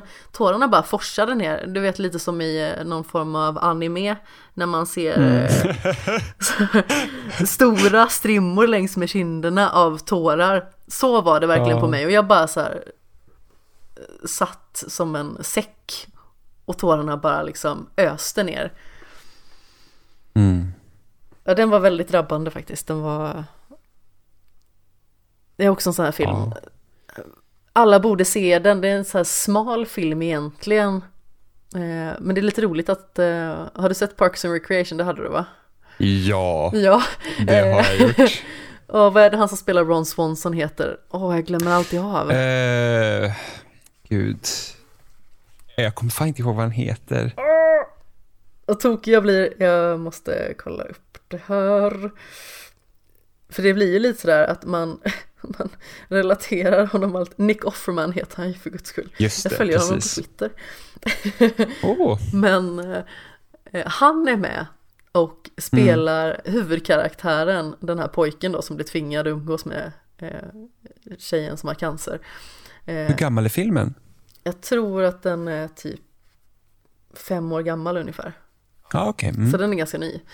Mm. Men han spelar pappa där och han gör en helt underbar roll där han liksom är väldigt mystisk. Jag tror att han är någon form av eh, före detta samhällskunskapslärare eller någonting i den stilen. Jag kommer inte ihåg exakt det så ifall man typ har sett den här filmen en miljon gånger och vill rätta mig, bara gör det inte för jag, eh, den detaljen kanske jag är helt ute och cyklar på men de har en katt och eh, han är väldigt liksom så här vän om katten och Sen så bjuder han eh, både sin son och hans sons eh, vänner på så här jättekonstig mat jämt som man står och lagar. Typ, ja ah, men här är en grisfot och ja men du den här skorpionsgrejen. Det, alltså han är jättelustig och helt underbar och hela filmen mm. är lite sådär, den är typiskt indie, den är lite märklig.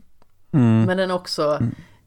ja den är så magiskt bra, jag är helt kär i den filmen. Den är underbar och sorgsen. Men är det inte, är det inte fantastiskt typ med så här många skådespelare som vanligtvis gör komediroller får göra något annat? För att de är oftast ja. väldigt bra på det. Som typ om en, som Brian Cranston i Breaking Bad till exempel. Alltså, ja. jag, vet inte om, jag vet inte om någon liksom hade ens tänkt liksom att, att man tänker sig Breaking Bad som ah, han från Malcolm in the middle. Liksom. Va? Och sen typ, jag vet att Steve Carell har, har ju gjort någon film nu som är rätt så ny. Ah, eh, som har fått jättebra kritik. Jag tänkte se den typ med... imorgon, Beautiful Boy.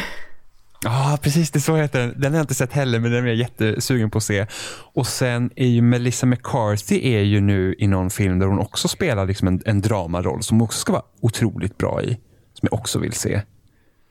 Men det är ju ofta så, alltså det jag känner när det gäller komedi som faktiskt är bra, det är ju att den typen av skådespelare som klarar att vara tillräckligt roliga, de måste också vara förmodligen väldigt bra skådespelare. För att jag tycker mm. att det är mm. mycket svårare att göra riktigt bra komedi än att göra riktigt bra tragedi. jag vet inte vad man ska säga. Eh, jag tror att vi har diskuterat det, jag och någon gäst i något tidigare avsnitt, att komedi är fasen, det är svårt att göra. Ja, det, det handlar ju så mycket om timing hur, hur du säger det och när du säger det. Liksom så här, verkligen att det, det, måste liksom typ träffa rätt för att det liksom ska träffa helt enkelt. Annars kan, finns ju risk att det faller platt. Det är liksom inte kul då. Uh, så jag vet att typ, jag, jag hade en väldigt eh, sån här period när jag tittade på väldigt mycket vänner för flera år sedan. Eh, så då läste jag så här massa gamla intervjuer och sånt. Jag kommer ihåg att alla var så fascinerade över hur typ Jennifer Aniston var så bra på timing. Och det var typ därför hennes karaktär var rolig. Så det är väl, jag antar att det är väl svårt att få till. Ja, jag kan tänka mig att det är otroligt svårt. Det är ju väldigt få som, alltså det kan ju vara skämt som i sin essens är roliga. Men sägs de liksom inte på rätt sätt är det så här, ja det här var väl kul. Ja, ja vill man säga, jaha, okej, okay, haha. lite nervöst. Ja, men verkligen lite så här skrapa med foten-känslan på något sätt. Mm. Men vi nämnde ju Beautiful Boy i förbifarten där. Och eh, nu kanske jag slaktar hans namn fullkomligt, det har jag säkert gjort tidigare. Timothée Chalamet vill jag säga att han heter. Eh, ja. Han som spelar den unga pojken. Han är också med i Call Me By Your Name. Oh. Och det är nästan så här, jag vet inte om du hörde det, men det var nästan så här bara, call, call me by your name. Den här filmen träffade mig så oerhört hårt. Den kom ju i slutet av 2017. Mm. Jag kommer ihåg att jag såg den i mellandagarna och det var också en sån film som jag gick och såg själv. Mm. Eh, och eh, om man nu inte har sett den så handlar det ju om en ung kille, jag vill minnas att han är 17 17 spelad av eh, tidigare nämnda eh, Timothée Chalamet eh, som heter Elio. Han bor med sina föräldrar i norra Italien. Det är en väldigt eh, mångspråkig film så det kommer in lite franska, det kommer in italienska, det kommer in engelska. Det är väldigt liksom intellektuell stämning i hela filmen och sedan så kommer dessutom en utbytesstudent från USA eh, spelad av eh, Army Hammer Eh, som jag tror att han ska spela att han är i 25-årsåldern eller någonting i den stilen. Mm.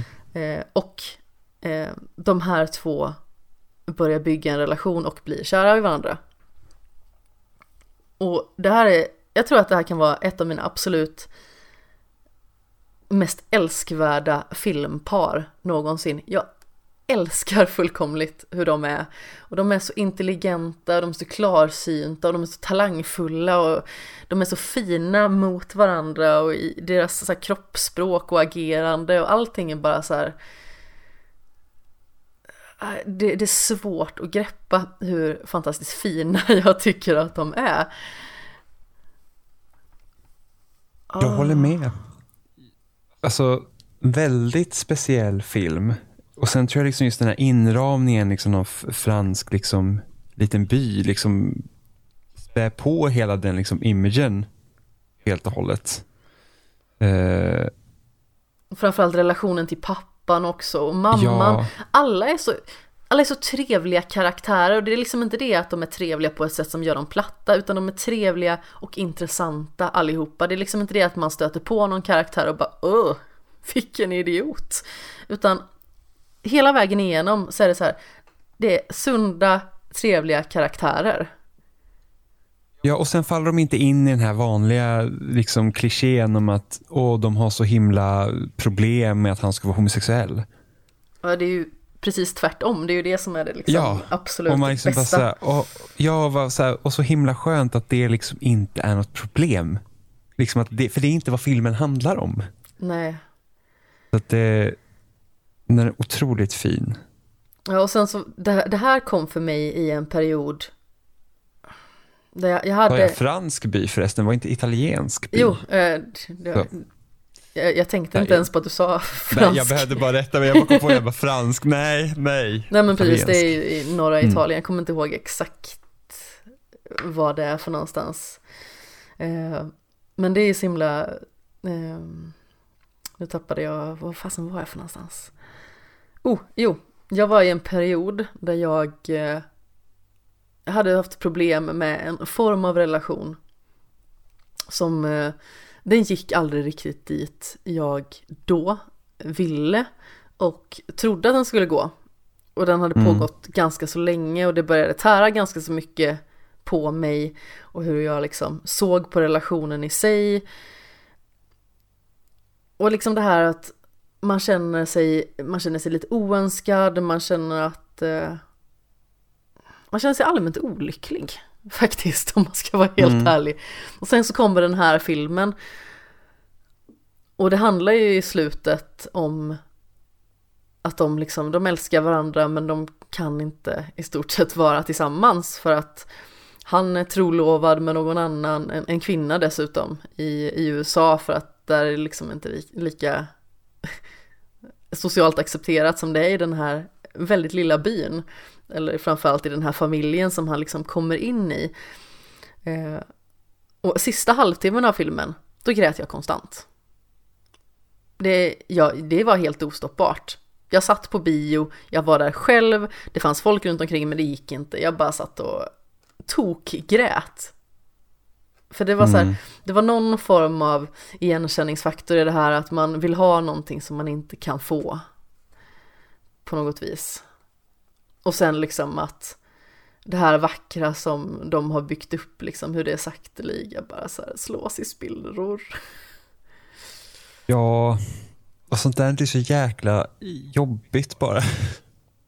Man blir liksom så att man, för att alltså, det går ju så hand i hand på en sån här grej för att eh, om, om, om det går bra liksom så är man konstant glad. Och sen så liksom när det typ luckras upp och faller isär då, då, då blir det ju tvärtom helt och hållet. Men verkligen. Det blir sådana väldiga kontraster helt plötsligt.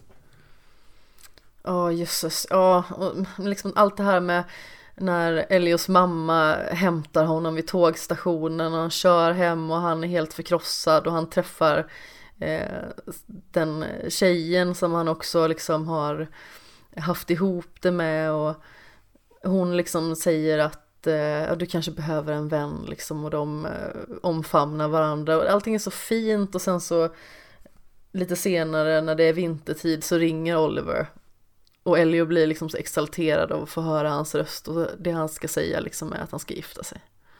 Mm. Med en kvinna i USA. Och det är så här. Nej. Nej. Oh, nej så här får det inte vara. Världen är orättvis. Ja men exakt och sen så blir jag lite sådär för de kommer ju göra en uh, uppföljare.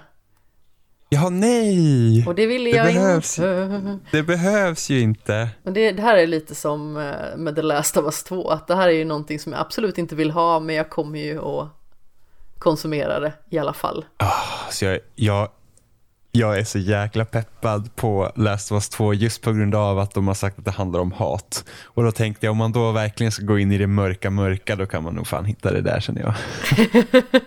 det är typ det jag ser fram emot. Jag, bara, jag, jag vill att det ska vara så svart, så svart. Ja, jag blev faktiskt väldigt inspirerad till att spela The Last of Us 2 när den senaste trailern kom. Eh, mm. Men jag kommer ihåg att första gången jag verkligen kände att um, okej, okay, The Last of Us 2 kommer jag absolut vilja spela. För jag var sådär anti när det började talas och tisslas och tasslas om det. Att mm. nej, jag ska, nej.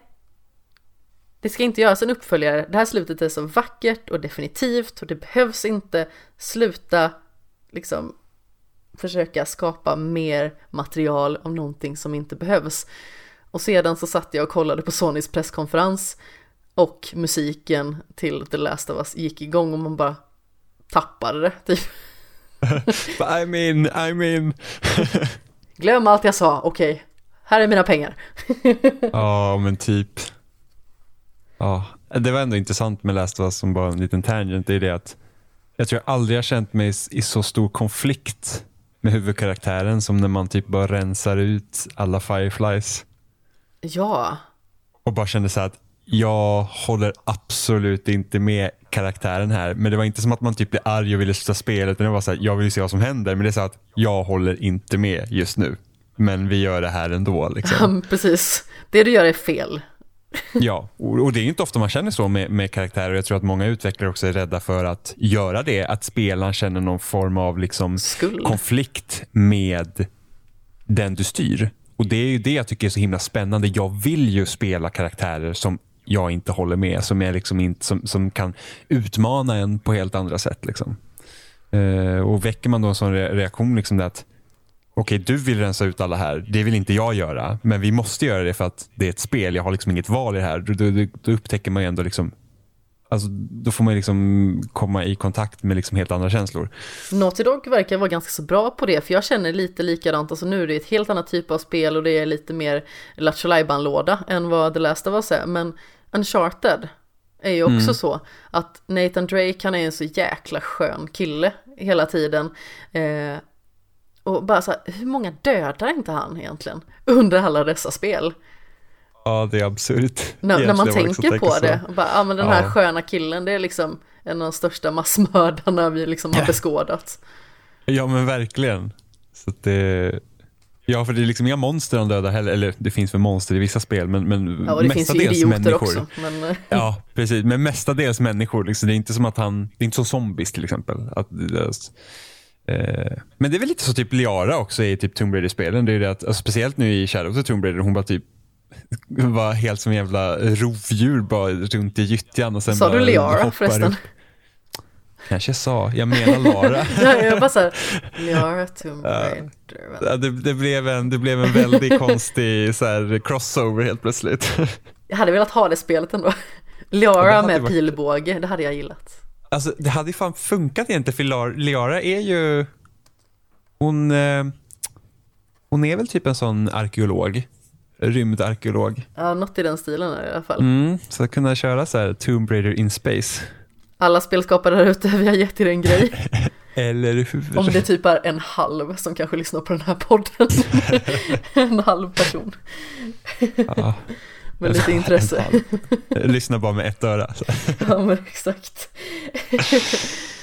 Ja, oh. jösses. Men uh, har du något mer att tillägga om film eller ska vi gå över till tv-serier tycker du? Jag tror inte jag har någon mer film, uh, tror jag. Om man typ inte får snabbt bara sen nämna uh, Sagan om ringen-filmerna och hur jo, de slutar.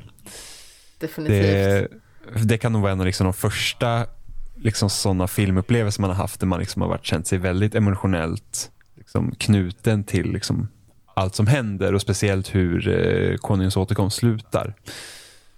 Alltså jag det blir ju sådär. Det känns också så definitivt. Ja, och jag blir ju verkligen sån där också. Kan inte bara krama varandra en gång till? ja, men sen måste du åka, liksom måste du gå. Det... Gå inte härifrån. Ja. ja, liksom... Speciellt när man tänker då liksom relationen mellan Frodo och Sam som har byggts upp genom liksom alla tre filmerna. Så är det liksom verkligen så här att Ja, det är också bitterljust. Ja, han känner liksom att han måste bege sig iväg. Och det är så jobbigt när man ser liksom hur mycket allting har tärt på honom. Han är liksom bara ett skal. Ja, och verkligen. Usch. Ja, nej, det är tungt. Verkligen. Men eh, någonting som också är tungt, om vi ska brygga över lite till tv-serier. Mm. Har du sett Sherlock? Ja. När, det har jag gjort. När Sherlock står på taket och säger goodbye John och hoppar. Ah, ja. jag, tycker, jag tycker att det är fruktansvärt jobbigt för jag älskar den här serien. Det, jag tror att jag skulle kunna säga att det här är min favorit-tv-serie om man exkluderar säsong 4. Eh, för att jag tycker inte att den är så jättefantastisk. Men visst är det i slutet av säsong 3 han hoppar? Slutet av säsong 2. Det av säsong två. Okej. Okay. Mm. Är det säsong fyra som eh, John har sin fru? Eh, det är, ja, i början av säsong fyra är det också, men eh, i säsong tre kommer ju Sherlock tillbaka. John har träffat Mary och eh, mm. han ska eh, fråga om hon vill gifta sig med honom. Och det är också då som Sherlock gör sin lilla entré som en liten eh, servitör med så här ditmålad mustasch och sådär och John tappar det totalt och typ försöker strypa honom. Ja. Ja. På tal om känslor. Ja, alltså det är väl typ det är väl det jag tror jag har lite problemet med eh, alltså jag älskar också den scenen, alltså när han hoppar från taket. Det är liksom helt fantastiskt. Mm. Men sen liksom att det liksom blir lite trivialiseras efter det. Liksom att ah, han bara gjorde det på skoj. Det känns som liksom allt det som man tänkt att karaktären går igenom när han faktiskt står på taket är, stämmer inte. Riktigt. Nej, jag, jag tänker att det hade varit skönt om eh, det hade avslutats helt i eh, säsong tre. Så att det inte fortsatte faktiskt i säsong fyra. Mm. Att det kanske hade varit en liten annan avslutning än den här Magnusson-grejen. Jag tycker ju att eh, Alltså första säsongen av Sherlock är briljant, andra säsongen tar det ytterligare till en helt ny nivå. Och egentligen alltså nu vet vi ju liksom att han, han överlever för att det är Sherlock. Mm. Men alltså det hade egentligen kunnat avslutas efter andra säsongen också. För att det är verkligen på en sån emotionell topp. Jag tycker verkligen att Alltså när, när John också står vid gravstenen och säger liksom att eh, Jag var så ensam eh, och sedan träffade jag dig i stort sett. Eh, mm. Och det är ju så jobbigt så att det är helt otroligt. När man liksom ser hur han lider bara ett sista mirakel, Sherlock, bara en sista gång. Ja, ja och då, då, då, blir jag, då, då står jag nästan ännu mer på att han liksom kommer tillbaka efter det. För ja. liksom, då, då, liksom, då, då, tar man lite ifrån det som hände John också känner jag. Ja, fast det är ganska fint uh. också i, i tredje säsongen när han bara, jag bad om ett sista mirakel, liksom bara, ja jag hörde dig. Man stod där och tjuvlyssnade den lilla jäveln. ja, ja men så, så, är det ju också. Det, det, det, det bandet de har till varandra är ju liksom Alltså de två skådespelarna gör det så jäkla bra. Ja, absolut. Jag skulle faktiskt precis komma till det. Men jag känner så här, kan inte eh, Benedict Cumberbatch och eh, Martin Freeman, kan inte de bara gifta sig på riktigt? Eller hur? För jag, alltså jag, jag vill att de båda helst ska föda mina barn. Jag tycker att de är, de är så fantastiska och det är samma sak. Det är ju en av de enda grejerna som är bra med Hobbit-filmerna om vi tar ett litet steg tillbaka åt, åt det hållet. För att det de gör när de är i samma scen, det är liksom, det är ju magi. Mm. Och så är det ju verkligen i Sherlock också att det de skapar och det bandet de skapar till varann och hur det liksom sänds ut till tittaren. Det är så himla speciellt. Det är liksom helt oefterhärmligt på något sätt. Mm. Det är så äkta som det bara går utan att det faktiskt är äkta. Mm. Men, men faktiskt, eh, har du sett den videon när han eh, när de spelar in scenerna med när Benedict Cumberbatch är draken och liksom han typ bara åmar sig på golvet ja, och verkligen typ lever sig in i det. jätteroligt. Alltså man var såhär, oh my god, liksom, vad, vilken talang. Han ser helt jäkla galen ut också. Ja, ja, ja. Han så spärrar upp ögonen och så bara lyfts ögonbrynen upp och han typ står och visar sina icke-existerande huggtänder. Ja, verkligen. Jättecharmigt.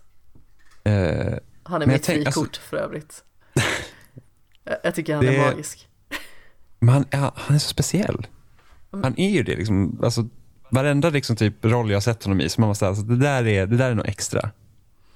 Men det är Faktiskt. ju det. Och det jag blir så irriterad på med folk som tycker att ja ah, men bara för att eh, nu är tydligen den här eh, Asperger-personligheten inne. Då blir jag så här, men han är en men... fantastisk skådespelare. Han ja. är intressant, han är dessutom så här intelligent. Han kan tala för sig, han har åsikter. Det är så här, det är, ja, inte, det är, inte, det är inte liksom det... att han spelar liksom Asperger roller som gör att han blir attraktiv utan det är hur han liksom kan adaptera sig till olika typer av karaktärer. Det är samma sak, alltså ta när han spelar Alan Turing i eh, The Imitation mm. Game. Lite liknande roll liksom med att vara eh, en väldigt speciell karaktär får man ju lugnt säga även att det här är faktiskt en person som har existerat på riktigt. Mm. Eh, men det är också, alltså på tal om känslor, det, det var ju också, jag tyckte det var jobbigt för det var en fullsatt biosalong jag satt och då kunde jag inte gråta även att jag typ satt och darrade på läppen hela tiden. Åh vad jobbigt det var. Men Ja, alltså det, det, ja, det var också hemskt liksom. De porträtteringarna som, som han gör, de är liksom fenomenala på något sätt. Ja, ja men det, och det är heller inte liksom någon okänd trope att ha en serie som, som evolverar kring the male genius. Liksom det, Nej, det, det nej. kom inte med Sherlock. Så att jag förstår liksom inte folk som tycker att den här typ geniet eller Asperger-grejen är liksom inne på något sätt. Det är bara så här, men alltså va? Det, det, det, är liksom, det här är inget nytt. Nej det är det definitivt Liksom. inte. Det är bara det att det görs på ett nytt sätt och ett sätt som jag verkligen uppskattade.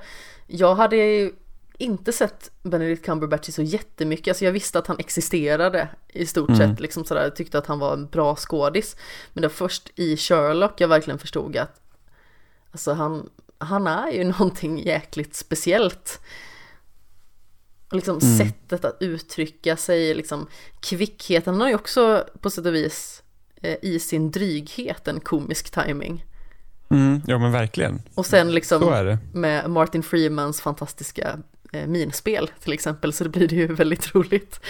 Mm, Alltså ta det bara från The. Office liksom. När, eh, alltså Martin Freeman är ju väldigt bra på att kolla in i kameran och ser väldigt förvirrad ut. ja, ja. Han är ju helt underbar. Det är han. Eh, bara så här. Bara kom på det helt plötsligt. Har du sett, eh, åh vad heter den nu? Derek med Ricky Gervais. Nej, jag har inte det. Alltså jag, jag älskar det- Ricky Gervais och Mm. eh, har sett eh, både Extras och The Office och jag har, jag tror att det är tre stycken av hans sådana här live-framträdanden plus att jag har sett honom live. Jag tycker att han är svinbra men jag har liksom inte sett den här serien än. Åh, det borde alltså det finns, ja det är ett avsnitt i säsong två där de måste avliva hans hund. Nej! Och det är så hemskt. Alltså, ja, det är så hemskt. Alltså, jag har ju själv en hund liksom, som jag har haft ända sedan hon var valp. Åh. Eh, och det är liksom bara så att Alltså man bara ser liksom att, man, jag bara tänker själv hur hemskt det ska vara liksom att uppleva det. Jag hade liksom inte kunnat. Jag vet inte om Nej, jag skulle alltså- kunna se det här. Jag tycker Ja, sånt alltså, är så jag- jobbigt. Alltså, alltså, alltså, där var det verkligen okontrollerbar. Liksom ba, alltså, det, tårarna bara sprutade. Det märks bara så hemskt. Och, och, och han gör sån jävla bra rollprestation också. Fast han spelar den här Derek som är typ det snäll. Alltså det finns inget ont i den här människan, i den här karaktären. Alltså genomsnäll. Helt genomsnäll. Och bara så här att bara måste gå igenom det där hemska så man vill bara hålla om och krama honom och så hunden dör på... Ah, ah, alltså det var, ah, det, fasen. det var ah, fruktansvärt. Alltså det är ju någonting av det jobbigaste tycker jag. Man kan bli väldigt avtrubbad i hur liksom människor avlider i I spel kanske det är lite jobbigare för det blir liksom lite på ett annat sätt men hur människor avlider i, i film och tv-serier och sånt där till höger och vänster. Men fasen när typ djur eller liknande dör, det är Ja. skitjobbigt. Alltså det här kommer låta så otroligt fånigt. Men något av det jobbigaste jag vet i Game of Thrones i senaste säsongen, det är när draken dör. Ja. ja men det är så ofta med djur. Alltså dj- djuren är oskyldiga. Ja. Det, jag tror det är det man känner på. De är, det är liksom, de, nej, de har inte gjort något ont. Det är vi som har fört dit dem och då ska de dö Ja men det. exakt, alltså jag, jag blir liksom så här, jag blir ju otröstlig nästan när, när det hände så jag tog mina katter och kramade dem och helt så här bara nej, ni Ja, men, och, och det är det man gå gör. inte ifrån när, mig. När, när det är någonting med djur eller någonting så bara, man bara tittar på sin egen och så bara åh kom hit. Så tittar man ser de här hemska bilderna typ, eller så här, videon på Facebook om så här, djur som har farit illa och sen så får de det bra. Åh. Alltså då, man bara tittar på sin egen och bara säger, jag skulle aldrig, aldrig kunna göra så mot, mot ett djur. Liksom bete, alltså bara bara liksom överge dem. Liksom. Så man vet ju hur mycket man betyder för djuret också. Liksom. Ja, Alltså bara det typ att jag måste gå till skolan liksom, på dagarna och så lämna hunden ensam liksom, i lägenheten. Ibland man var så här, åh vad hemskt. Kommer hon bara vänta på mig att jag ska komma tillbaka. Så nu, nu har jag ju fått nya möbler. Eh, så jag har, istället för en bäddsoffa så har jag numera en soffa och en säng. oh vad skönt. Ja, eh, så att Jag har bäddsoffa jag- fortfarande. Ah, Det är väldigt skönt att ha två skilda saker. Eh, Gör hela skillnaden i lägenheten. Att man bara säger Ja. att ah, jag är inte på samma plats typ konstant i min lägenhet. Och jag har 28 kvadrat också, det är lite mäckigt att få in skit alltså. Ja, jag förstår. Ehm, Men så att hon, hon hoppar ju upp på min säng när jag går. Så att hon liksom ligger där. Jag antar att det luktar som jag gör. Och man bara säger åh, Gullisen. ja men verkligen. Man bara säger hemskt, jag kommer snart. Liksom. Förlåt mig. Ja, är det sjukt jobbigt ibland. Min lilla katt har ju en tendens att eh, hon lägger sig alltid på ställen där jag har suttit för att det är varmt. Så det är också lite roligt sådär men jag tycker ju om båda mina katter så otroligt mycket. Jag tror att folk som inte har djur eller kanske inte har så stark relation till djur, de förstår liksom inte riktigt vad de betyder. När jag separerade så hade jag med eh, båda mina katter dit och jag fick avliva den ena för att han Mm. hade idiopatisk cystit. Vilket då Ah. liksom innebar att han eh, alltså urinerade eh, ofrivilligt. Han Mm. eh, blev stressad eller vad det nu kan vara. Man vet liksom inte riktigt var det kommer ifrån. Men han kunde liksom inte kontrollera sig själv.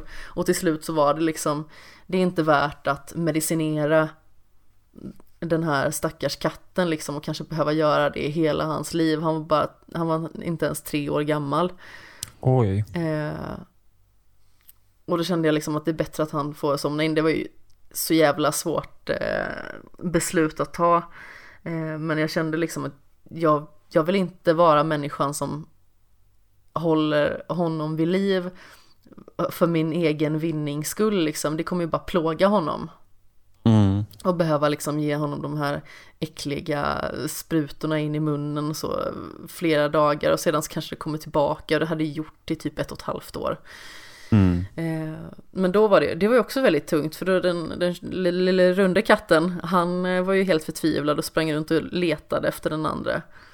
Så då fick han och jag ett lite starkare band för den andra katten var ju lite som min eh, pälsiga bebis liksom. Mm. Eh, och sedan så skaffade jag ehm, den lilla katten som jag, som jag har nu och, och hon flyttade in och nu är ju, alltså båda mina kattpar som jag haft om man säger så, de har varit väldigt så här nära varandra och ändå de, de typ tycker om varandra verkar det som. Och det är Mm. väldigt fint och framförallt det, det är så roligt för är som en liten familj ändå man har här hemma. Eh, det brukar ju oftast vara när man går och lägger sig eh, jag lägger mig alltid på rygg och så kommer den lilla katten och så lägger hon sig på min bröstkorg. Och så, sedan ska den stora katten, han ska ligga i, i typ min, min famn på, på högerarmen. Han lägger sig alltid på samma ställe och det är typ på, på den andra sänghalvan i stort sett. Det är så himla, vad det är typ alltid samma. Det är, det är så fint. Så man blir åh. berörd när djur far illa, det är ju svinjobbigt. Ja, det är sjukt jobbigt. Men det är samma sak, man känner så här, typ att när folk frågar, ja, men vem skulle rädda liksom, den här personen eller din hund? Liksom man bara säger, alltså, jag räddar min hund i alla lägen. Du får fan klara dig själv. det är liksom bara så. Det, Rädda det bäst du, du- kan människa. Ja, det är bara, ja, det är liksom, brinner det och jag får hämta dig eller hunden, då hämtar jag för fan hunden. liksom. Det är typ så. Men, men jag tror att det är svårt för många att greppa också att man har den eh, att man har en relation till djur och jag tror att det beror mycket också på hur, alltså om man nu tänker att vi är ett kristet samhälle i alla fall, har varit det. Eh, så i Bibeln, eller ja, då enligt många troende så har ju djur inga själar, vilket gör att de inte är på samma nivå som människor. Ja men precis. Och jag tror att det är svårt för många att, ja sen, sen att vi också äter djur till stor del. Eh, Ja. men, men jag tänkte då hu, själva husdjuren, liksom. det är inte som att vi, alltså om någon skulle liksom börja göra köttbullar på hund, då tror jag att folk tycker att man är helt sjuk i huvudet. Men det gör ingenting att, ja precis. Eh, men just det här med att man traditionellt sett inte har sett djur som annat än djur. Liksom, att de, de, det finns liksom inget mervärde i dem egentligen. Eh, om man ser det på det sättet. ja, Jag det är många som kan vara svårt att förstå. jag skulle inte man- kunna vara utan mina. Jag eh, har liksom tänkt på det om man skulle eh, Nu har jag förvisso en, eh, en partner som, som gillar djur och han eh, har haft väldigt mycket djur också i, hela sitt liv och sådär. Men innan dess liksom tänker så här, tänk om jag träffar någon som är så här superallergisk eller någon som eh, för all del liksom inte ens gillar djur. Hur fasen skulle det bli då? Jag, så, ja, jag, det jag tycker att det är ett jätte, jättestort dilemma. Verkligen liksom att man kan ju inte välja bort sin nya partner, men hur ska jag kunna välja bort mina djur? Jag hade ju valt bort partnern på en gång. Jag var så här, nej.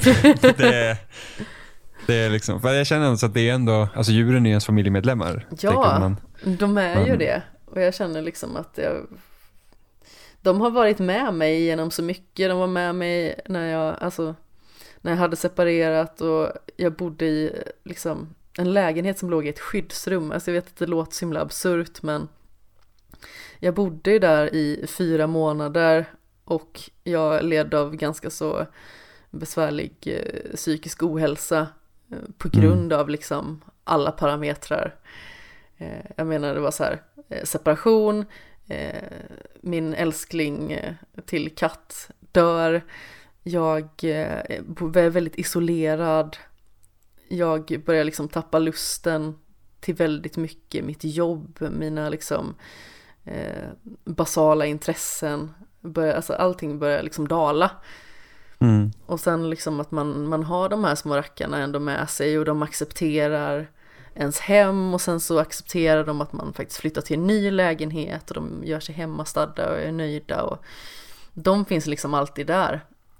Och som ja. introvert person som inte orkar att umgås jättemycket med människor så är ju de guld värda. För att de är ingen belastning för min energi utan de är liksom Jag vet inte, de hjälper ju mig att bygga upp min energi. De små rackarna. Mm. Liksom bara, bara lyssna på lite kattspinn, det kan ju få en på genast ja, lite bättre humör om inte annat. ja, verkligen. Ja, djur är bäst. Ja, djur är fantastiska faktiskt. Ja, verkligen. Har du någon mer serie innan vi ska börja runda av så här? Ja, eh, jag måste ju nämna Lost. Har faktiskt. inte sett faktiskt. Har du inte sett Lost? Det måste du ändra på. det är, jag skulle nog säga att det är min favoritserie genom tiderna. Oj, Stora nu ord. är, det ju, nu är det ju flera år sedan jag sett den och om jag skulle förklara för dig hela synopsisen med Lost, alltså vad som händer från början till slut så kommer det låta som världens sämsta serie. Men det är inte det. men vet inte, hur mycket vet du om Lost förresten? Alltså, cirka 0,001 procent.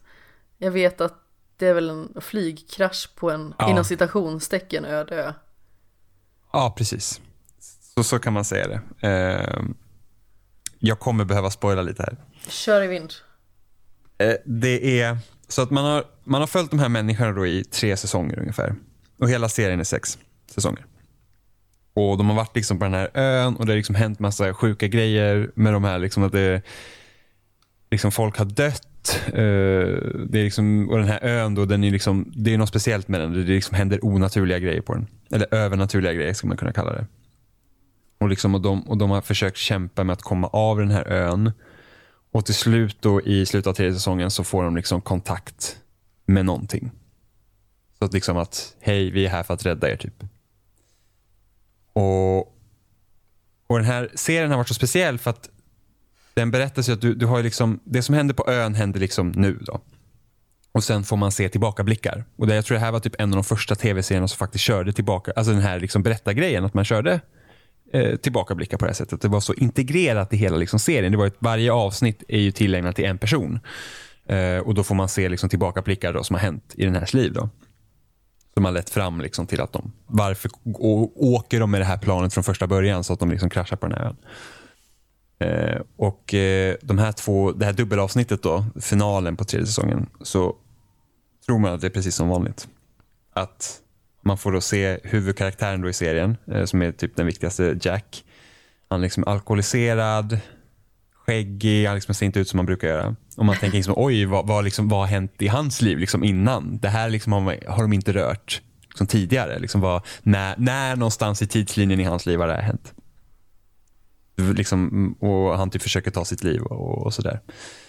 Eh, och sen, sen kommer de till slutet där så står han på flyg, en flygplats.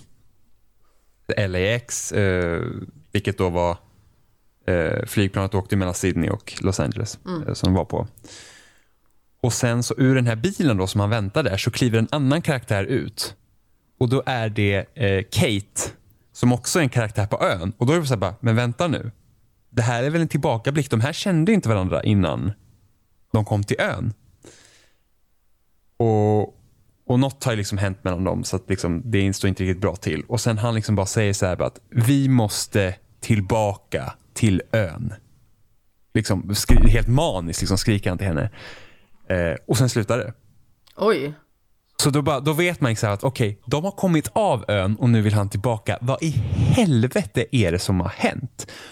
Och Jag hade varit helt med på att serien hade kunnat sluta där. Liksom bara så att det är slut. Det, det är liksom, vi behöver inte veta mer. Vi behöver inte få veta alla de här konstiga frågorna vi har överlag. Utan det, det var bara så himla perfekt säsongsavslutning där. Som bara så att okej, okay, de kom av ön. Och något fucked up hände så att de är tillbaka. Men visst är det rätt skönt med den typen av slut där man kan dels få tolka lite som man vill vad som hände sen och dels är det liksom så här det kan bli precis vad som helst av det. Ja, ja och speciellt om man tänker så att ja, men serien handlar om att de egentligen skulle av från ön så den hade liksom kunnat det hade kunnat vara slut där. Hade den slutat så så hade jag säkert varit upprörd ändå. Men så här, i retrospekt så känner jag ändå liksom att det fan, det, det var en jävligt kraftfull eh, avslutning. Men det är lite samma sak som det här vi pratade om Sherlock också. Den hade fasen kunnat sluta vid säsong två och det hade liksom varit så eh, liksom känsloladdat på något vis. Mm. Men det känns också som en, en, eh, en bra avslutning för karaktären. Liksom det går liksom i linje med hur man, hur, vad man känner för karaktären och hur man liksom känner att den agerar. Ja men exakt. Uh, för det är lite så, har du sett House förresten? Nej, jag har inte det. Alltså, nu tänker jag vara lite så fördomsfull, men jag vet inte, jag, jag, väldigt, hade väldigt svårt för honom och jag tyckte att han bara verkade sur hela tiden. Och att det liksom det inte var något annat. Det stämmer också rätt så bra faktiskt, att han är sur hela tiden. Men han har ju problem, för att han är liksom eh, men han har hela tiden ont i sitt ben och allt det där och det är liksom hela grejen. Och han har liksom inte han typ... förlorat någon och att det är därför han är så himla bitter? Eller är det någonting nej, äh, nej, det var ju typ så att han... Äh, vad fan var det nu då?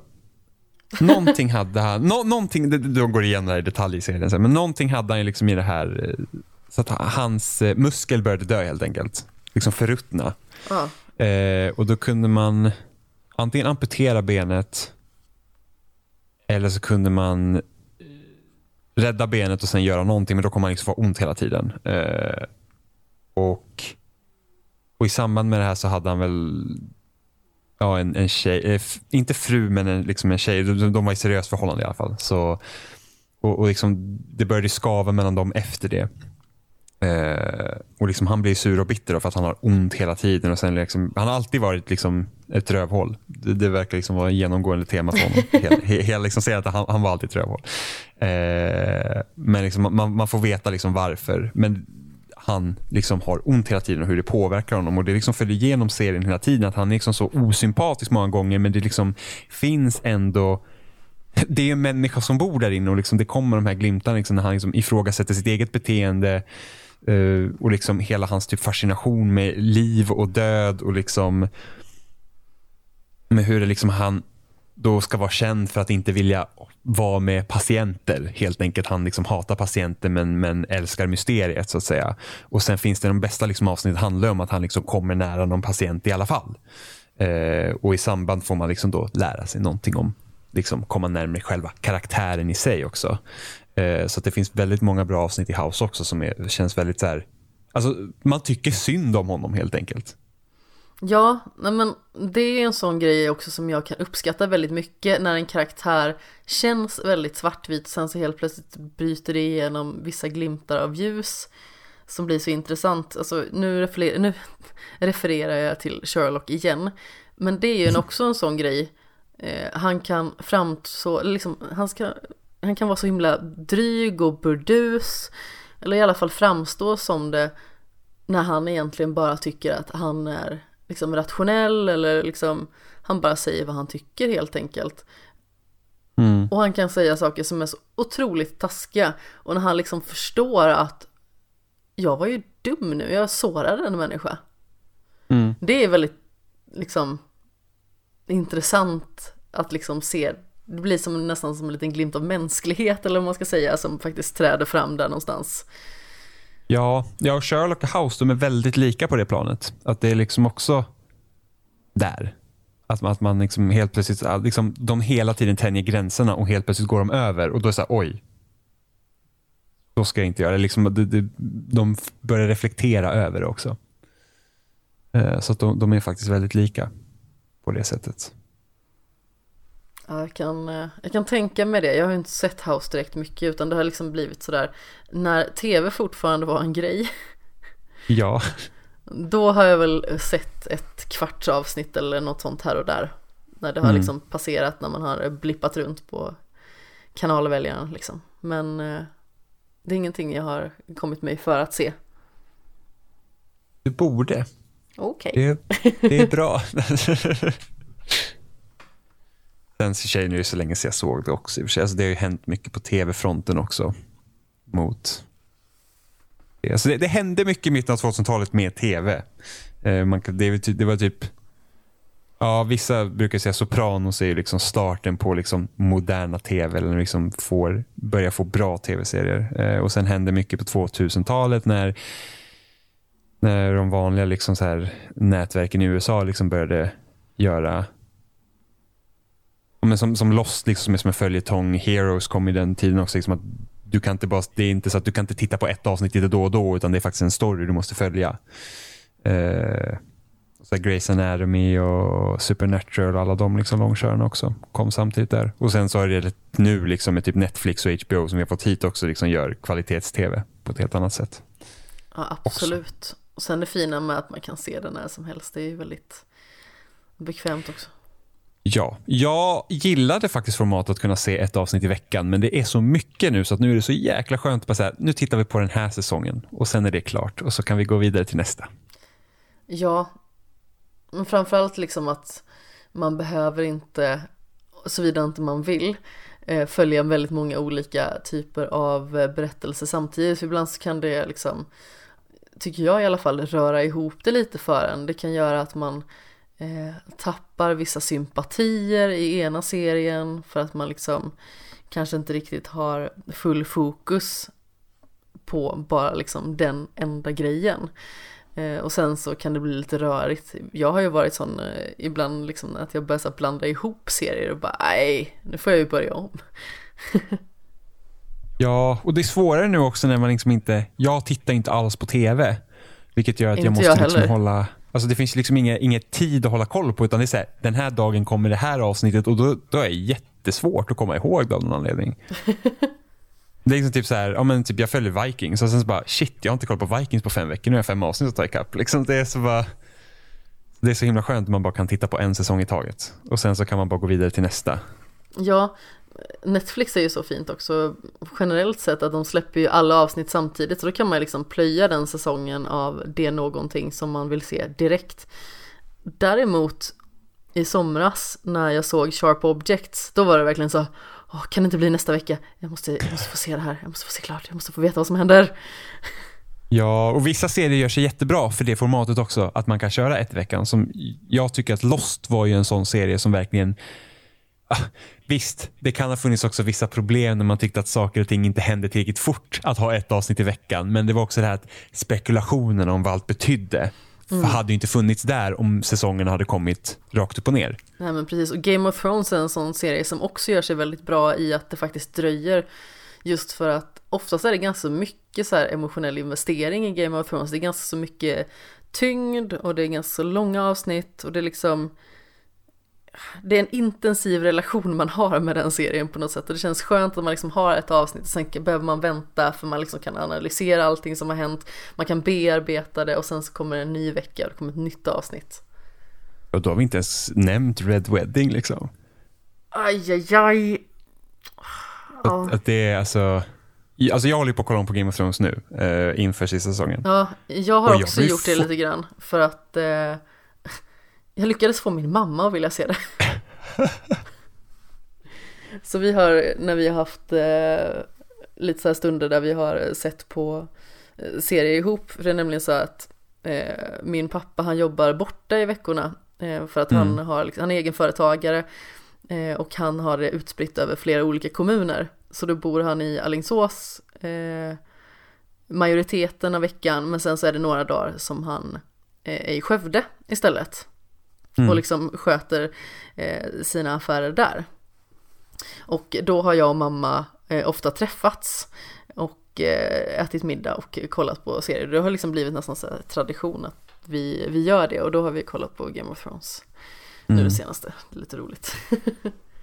Framförallt att Ja. jag får sitta så här och förklara för henne eh, vad det är som sker. Det är också ganska roligt för det får ju mig att minnas mer och det får mig att få ett bättre grepp om serien själv. Mm. För det är ju mycket i den serien alltså. Ja, det är det. Har du läst böckerna? Nej, jag har ju inte gjort det. Nej, för att jag, nu, för nu när jag kollar om och ska säga att så försöker jag minnas liksom så vad hände i böckerna och så, här, så bara, det är komplicerat i serien. Det är så mycket mer komplicerat i böckerna. Så att det är så här, typ att jag börjar redan känna nu, det ska vara två böcker kvar i serien och jag vet inte ens hur han ska knyta ihop det på två böcker bara. Nej, det kan bli spännande. Ja, om man nu hinner, han skriver så långsamt. Det är liksom senaste boken kom 2011 tror jag. Ja, det är väl något i den stilen. Han kommer väl förmodligen avlida i någon form av hjärt-kärlsjukdom tror jag innan dess. Åh, vad hemskt. Nu, nu blir det väldigt mörkt här, förlåt. Det men... blev väldigt mörkt. ja, nej men han, eh, han är väldigt långsam. Han är inte direkt purung. Nej, och sen har han mycket att göra också, så han har säkert stressigt också. Ja, Ja, ingen bra kombination. nej men precis. Nej men Red Wedding som du nämnde innan, alltså det är ju sådär. Jag, jag blev inte olycklig eller ledsen på något sätt, men det var verkligen så här. Vad fasen händer nu? Mm. Jag blev så total chockad av det. Vissa har ju blivit provocerade och slutat kolla vid den tidpunkt, men jag var verkligen så här, vad, vad, vad hände nu exakt? Och de gör det så bra också, för de bygger upp det under säsongen. Liksom att han har ju hela tiden framtidsplaner. Liksom att det här att de, några avsnitt innan så planerar de att de ska attackera Casterly Rock. Liksom. Ja, Eh, så det, liksom, det finns liksom ingen tanke i världen om, om att liksom, att de inte ska ta sig dit. nej precis, det, liksom finns, det finns inget, det liksom hintas inte någonting om det. Eh, och jag visste ju om att det skulle hända, för jag hade läst böckerna Ja. innan. Eh, och jag kommer ihåg när jag läste boken, så jag läste och sen bara kom man sig halva sidan ner, så bara, vänta, vänta, vänta, vänta nu. Vad, vad är det som händer? Så jag fick liksom gå tillbaka flera sidor och bara läsa om. Liksom, vad, vad, vad, vad, vad pågår? Liksom? Helt plötsligt blir det värsta massakern på det här bröllopet som ska vara helt ofarligt.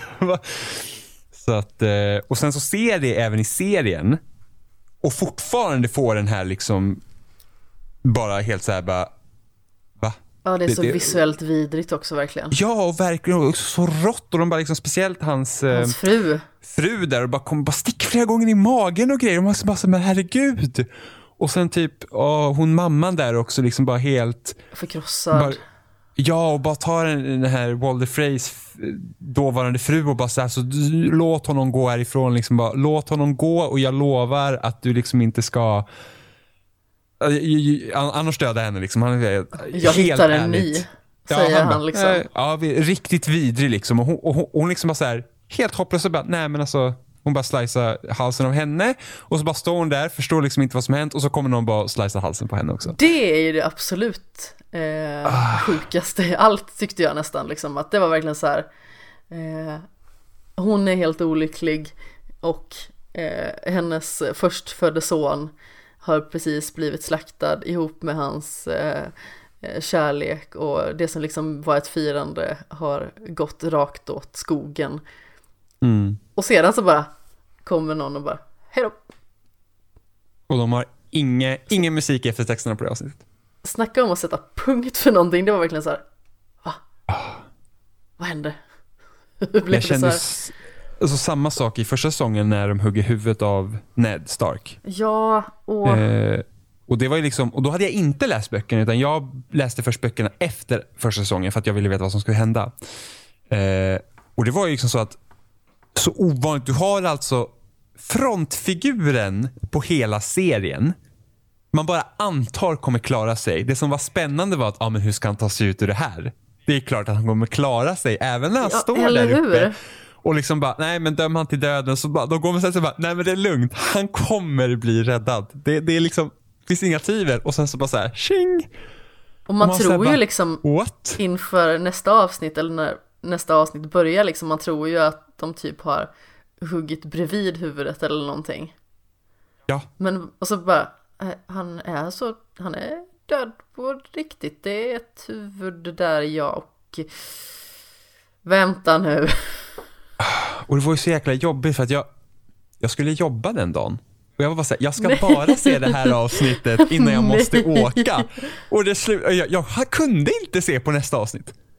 det, det liksom, jag bara såhär, nu måste jag åka och jobba. Och jag har ingen aning om vad som händer liksom. Så jag var såhär, nej. Så det var sjukt. Alltså det var sjukt jobbigt. Men alltså, det var då jag bara såhär att, man var okay, den här serien är väldigt, väldigt speciell. Liksom. Att man kan göra något sånt.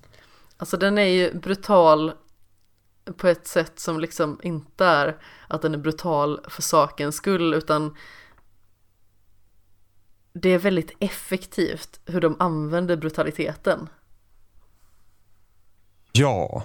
Eh, jag tycker att det har blivit lite värre under seriens gång för att det känns som att den har fått om. det här ryktet om att det måste vara något speciellt. Eh, liksom nästan att de måste liksom överträffa sig själva mellan varven. Liksom.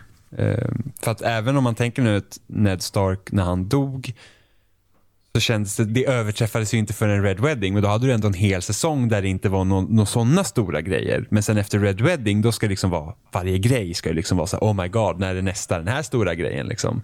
Eh, så jag kan tänka mig att det är väldigt svårt för, för liksom manusförfattarna att orientera sig runt det här. För att jag var liksom den åsikten att när de inte längre hade böcker att kunna basera det på så tycker jag att kvaliteten har sjunkit.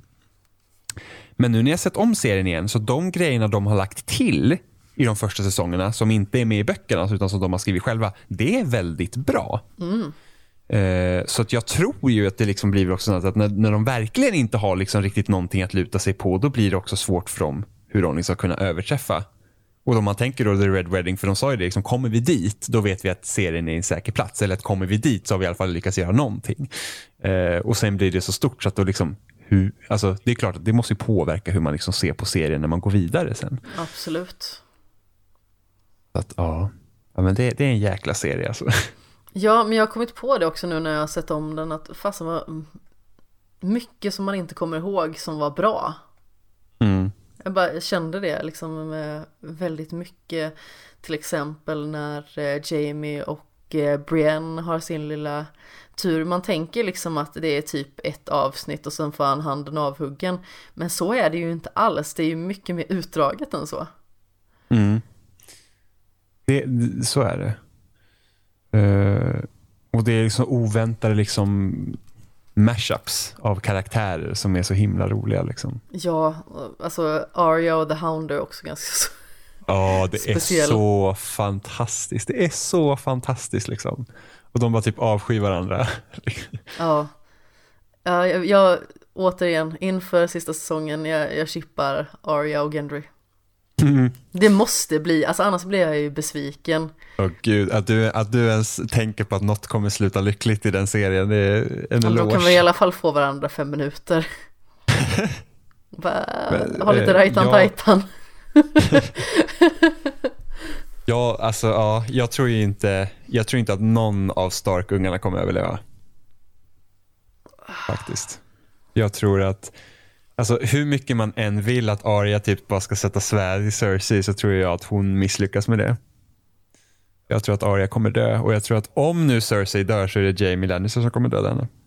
Jag hoppas det. För det hade ju varit en, det, det är liksom, alltså man tänker nu Game of Thrones som någon tragedi så är det liksom, det är ju, då är det liksom peak där om han måste döda henne. Ja, verkligen. Jag, jag hoppas ju nästan det. Jag har, jag har så svårt för henne och jag är väldigt kluven till honom. Men det finns ju en liten del av mig som, som gillar honom ändå. Mm. Ja, alltså Cersei Lannister är typ en av mina favoritkaraktärer i böckerna. Jag tycker att jag gillar hela det politiska spelet liksom. och sen så hon, de går ju så mycket mer in på henne som karaktär också att hon liksom önskar liksom att hon ska vara född till pojke för hon har haft helt andra möjligheter och att hon liksom vill ju egentligen sitta på makten hon tycker liksom att världen har varit orättvis mot henne på vissa sätt. Så alltså det, hon är en bra karaktär. Intressant. Ja. Men hon, man blir provocerad av henne för att hon är ja, ju sån... Ja. Oh, hon är ju sånt as, verkligen. Spe, spelade du Telltales Game of Thrones? Nej, jag gjorde inte det. Jag har blivit äh, avrådd från att göra. Ja, den var inget vidare, men Alltså, det knöt sig bra hårt i magen när man stod framför Cersei och det kommer upp den här texten i hörnet bara Cersei will remember that och man bara Well fuck me. Jag ligger brun till nu. Ja men verkligen så bara Jesus Christ. Så att, uh, ja. Finns det något sätt att få henne att glömma detta? Ja men typ. Ja så att det Det var väl typ det enda som var bra med den säsongen. Ja. var väl typ den grejen. Annars var den, usch, det var nog ett av de sämre Telltale-spelen jag har spelat. Jag kan inte komma på något Telltale-spel som jag har tyckt var dåligt faktiskt, som jag har spelat. Men jag har kanske inte spelat alla heller. Det är nog Game of Thrones som jag inte tycker om. Alla andra har ändå funnits någonting i. Och det är så synd med Game of Thrones för det kändes verkligen som en match made in heaven när de utannonserade det. Ja, med tanke på hur liksom hur spelet skulle vara uppbyggt, att det är en helt annan karaktär men som liksom man har referenspunkterna Mm. ändå till de husen som eh, finns runt omkring. Jag tror problemet var att de kopplade ihop det med serien. Eh, så att du hade ju så Jon Snow, och Daenerys, och Tyrion och Cersei var ju med. Men det var ju som typ så här, Jon kändes som en helt annan karaktär. Daenerys kändes absolut inte alls som samma karaktär som i tv-serien. Eh, så att det blev väldigt så här konstiga. Och Marjorie Tyrell var också med och hon kändes inte heller rätt. Så det, var, det var Cersei och Tyrion fick de till men liksom Ah, allt annat var typiskt. så här att, ja, och det var typ den utspelar sig i samma universum som tv-serien. Så att det, liksom, det ska ju typ vara ish canon. Och det var bara så att det där är inte Daenerys. Det, där, det, är, det är helt fel. Ah, Det är liksom, så, så där hade inte hon betett sig. det är Eh, illa. Så ja, så det, det följer ganska hårt där. och snart kommer sista Oh. säsongen. Ja, gud ja. Alltså jag har ingen aning hur det kommer sluta. Inte jag Alltså, heller. Ja, det, det, det kommer vara emotionellt när, man, när, när sista eftertexten rullar där. Alltså. Ja, absolut. Åh. Jag vågar knappt tänka på det. Nej, Och det kan ju gå hur som helst. Och det känns så här, okej, alla förväntar sig att det ska sluta liksom ödesdigert, men tänk Alla om dör. inte gör det. Eller liksom, ja, men alltså, jag, kan, jag skulle mycket väl kunna, alltså, jag hade mycket väl kunnat tänka mig ett slut där det är faktiskt Night King som sitter på tronen i slutet och sen är det slut. Den jäveln. Det hade inte varit, o, det hade inte varit omöjligt. Så Nej. att det, Och nu när de har en drake också dessutom så åh gud. Åh, hur ska det sluta? ja, det... Åh. Väntan och spänningen är olidlig. Det är den. Men vet du vad? Nu har vi suttit och pratat i nästan två och en halv timme. Åh, Jesus Christ. Vart eh, finner man dig för någonstans? När inte du är här? Jag, eh, jag skriver på loading.se, precis som du gör. Jajamän. Eh, och jag poddar ju själv också i eh, spelsnack, vanligtvis. Eh, så det är väl bara att söka på spelsnack i valfri podcast-applikation. Ja men precis. Mycket trevlig podd som jag faktiskt har fått gästa också. Det har varit väldigt Jajamensan, mysigt. tack. Det har varit väldigt trevligt. Eh, och sen twittrar jag @separat13. Det är väl typ det, där jag finns. Mm. Härliga tider. Ja. Och vill man kontakta skämshögen så är det i sedvanlig ordning eh, snabbla skamshogen på Twitter och Instagram eh, facebook.com snedstreck skamshogen skamshogen.wordpress.com och eh, sedan själva eh, grundpelaren för eh, skämshogen är ju Anchor så ifall eh, det skulle vara så att man eh, byter någon plattform som man lyssnar ifrån till exempel om man eh, byter telefonsort eller någonting så finns det ju väldigt många olika typer av appar. Jag tror nio stycken olika typer som man kan komma åt podden via. Så ja, jag förföljer er höll jag på att säga. Och vill man följa mig privat så är det ju snabel kapten Sten i ett ord, Sten med två e. Och har bara det namnet nästan bara för att det rimmar.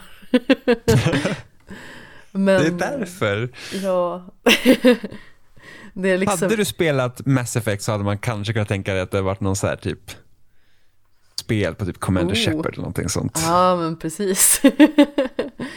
ja, det hade varit fint. Om det ändå var så väl. Ändå så väl. ja, men tack så jättemycket för att du kom hit och vi måste Ja ju men tack för att jag fick vara med. prata mer om det här och framförallt tänker jag att när Game of Thrones eh, är eh, släppt ut i verkliga världen så får du komma tillbaka. Åh, absolut, det gör jag med nöje. Uh. Med nöje. Sköt om dig och eh, ni där ute, kära lyssnare, får också sköta om er. Det tycker jag att de ska göra. Ja, Ordentligt och lipa till alla möjliga serier, filmer och spel. Var inte rädda för tårar.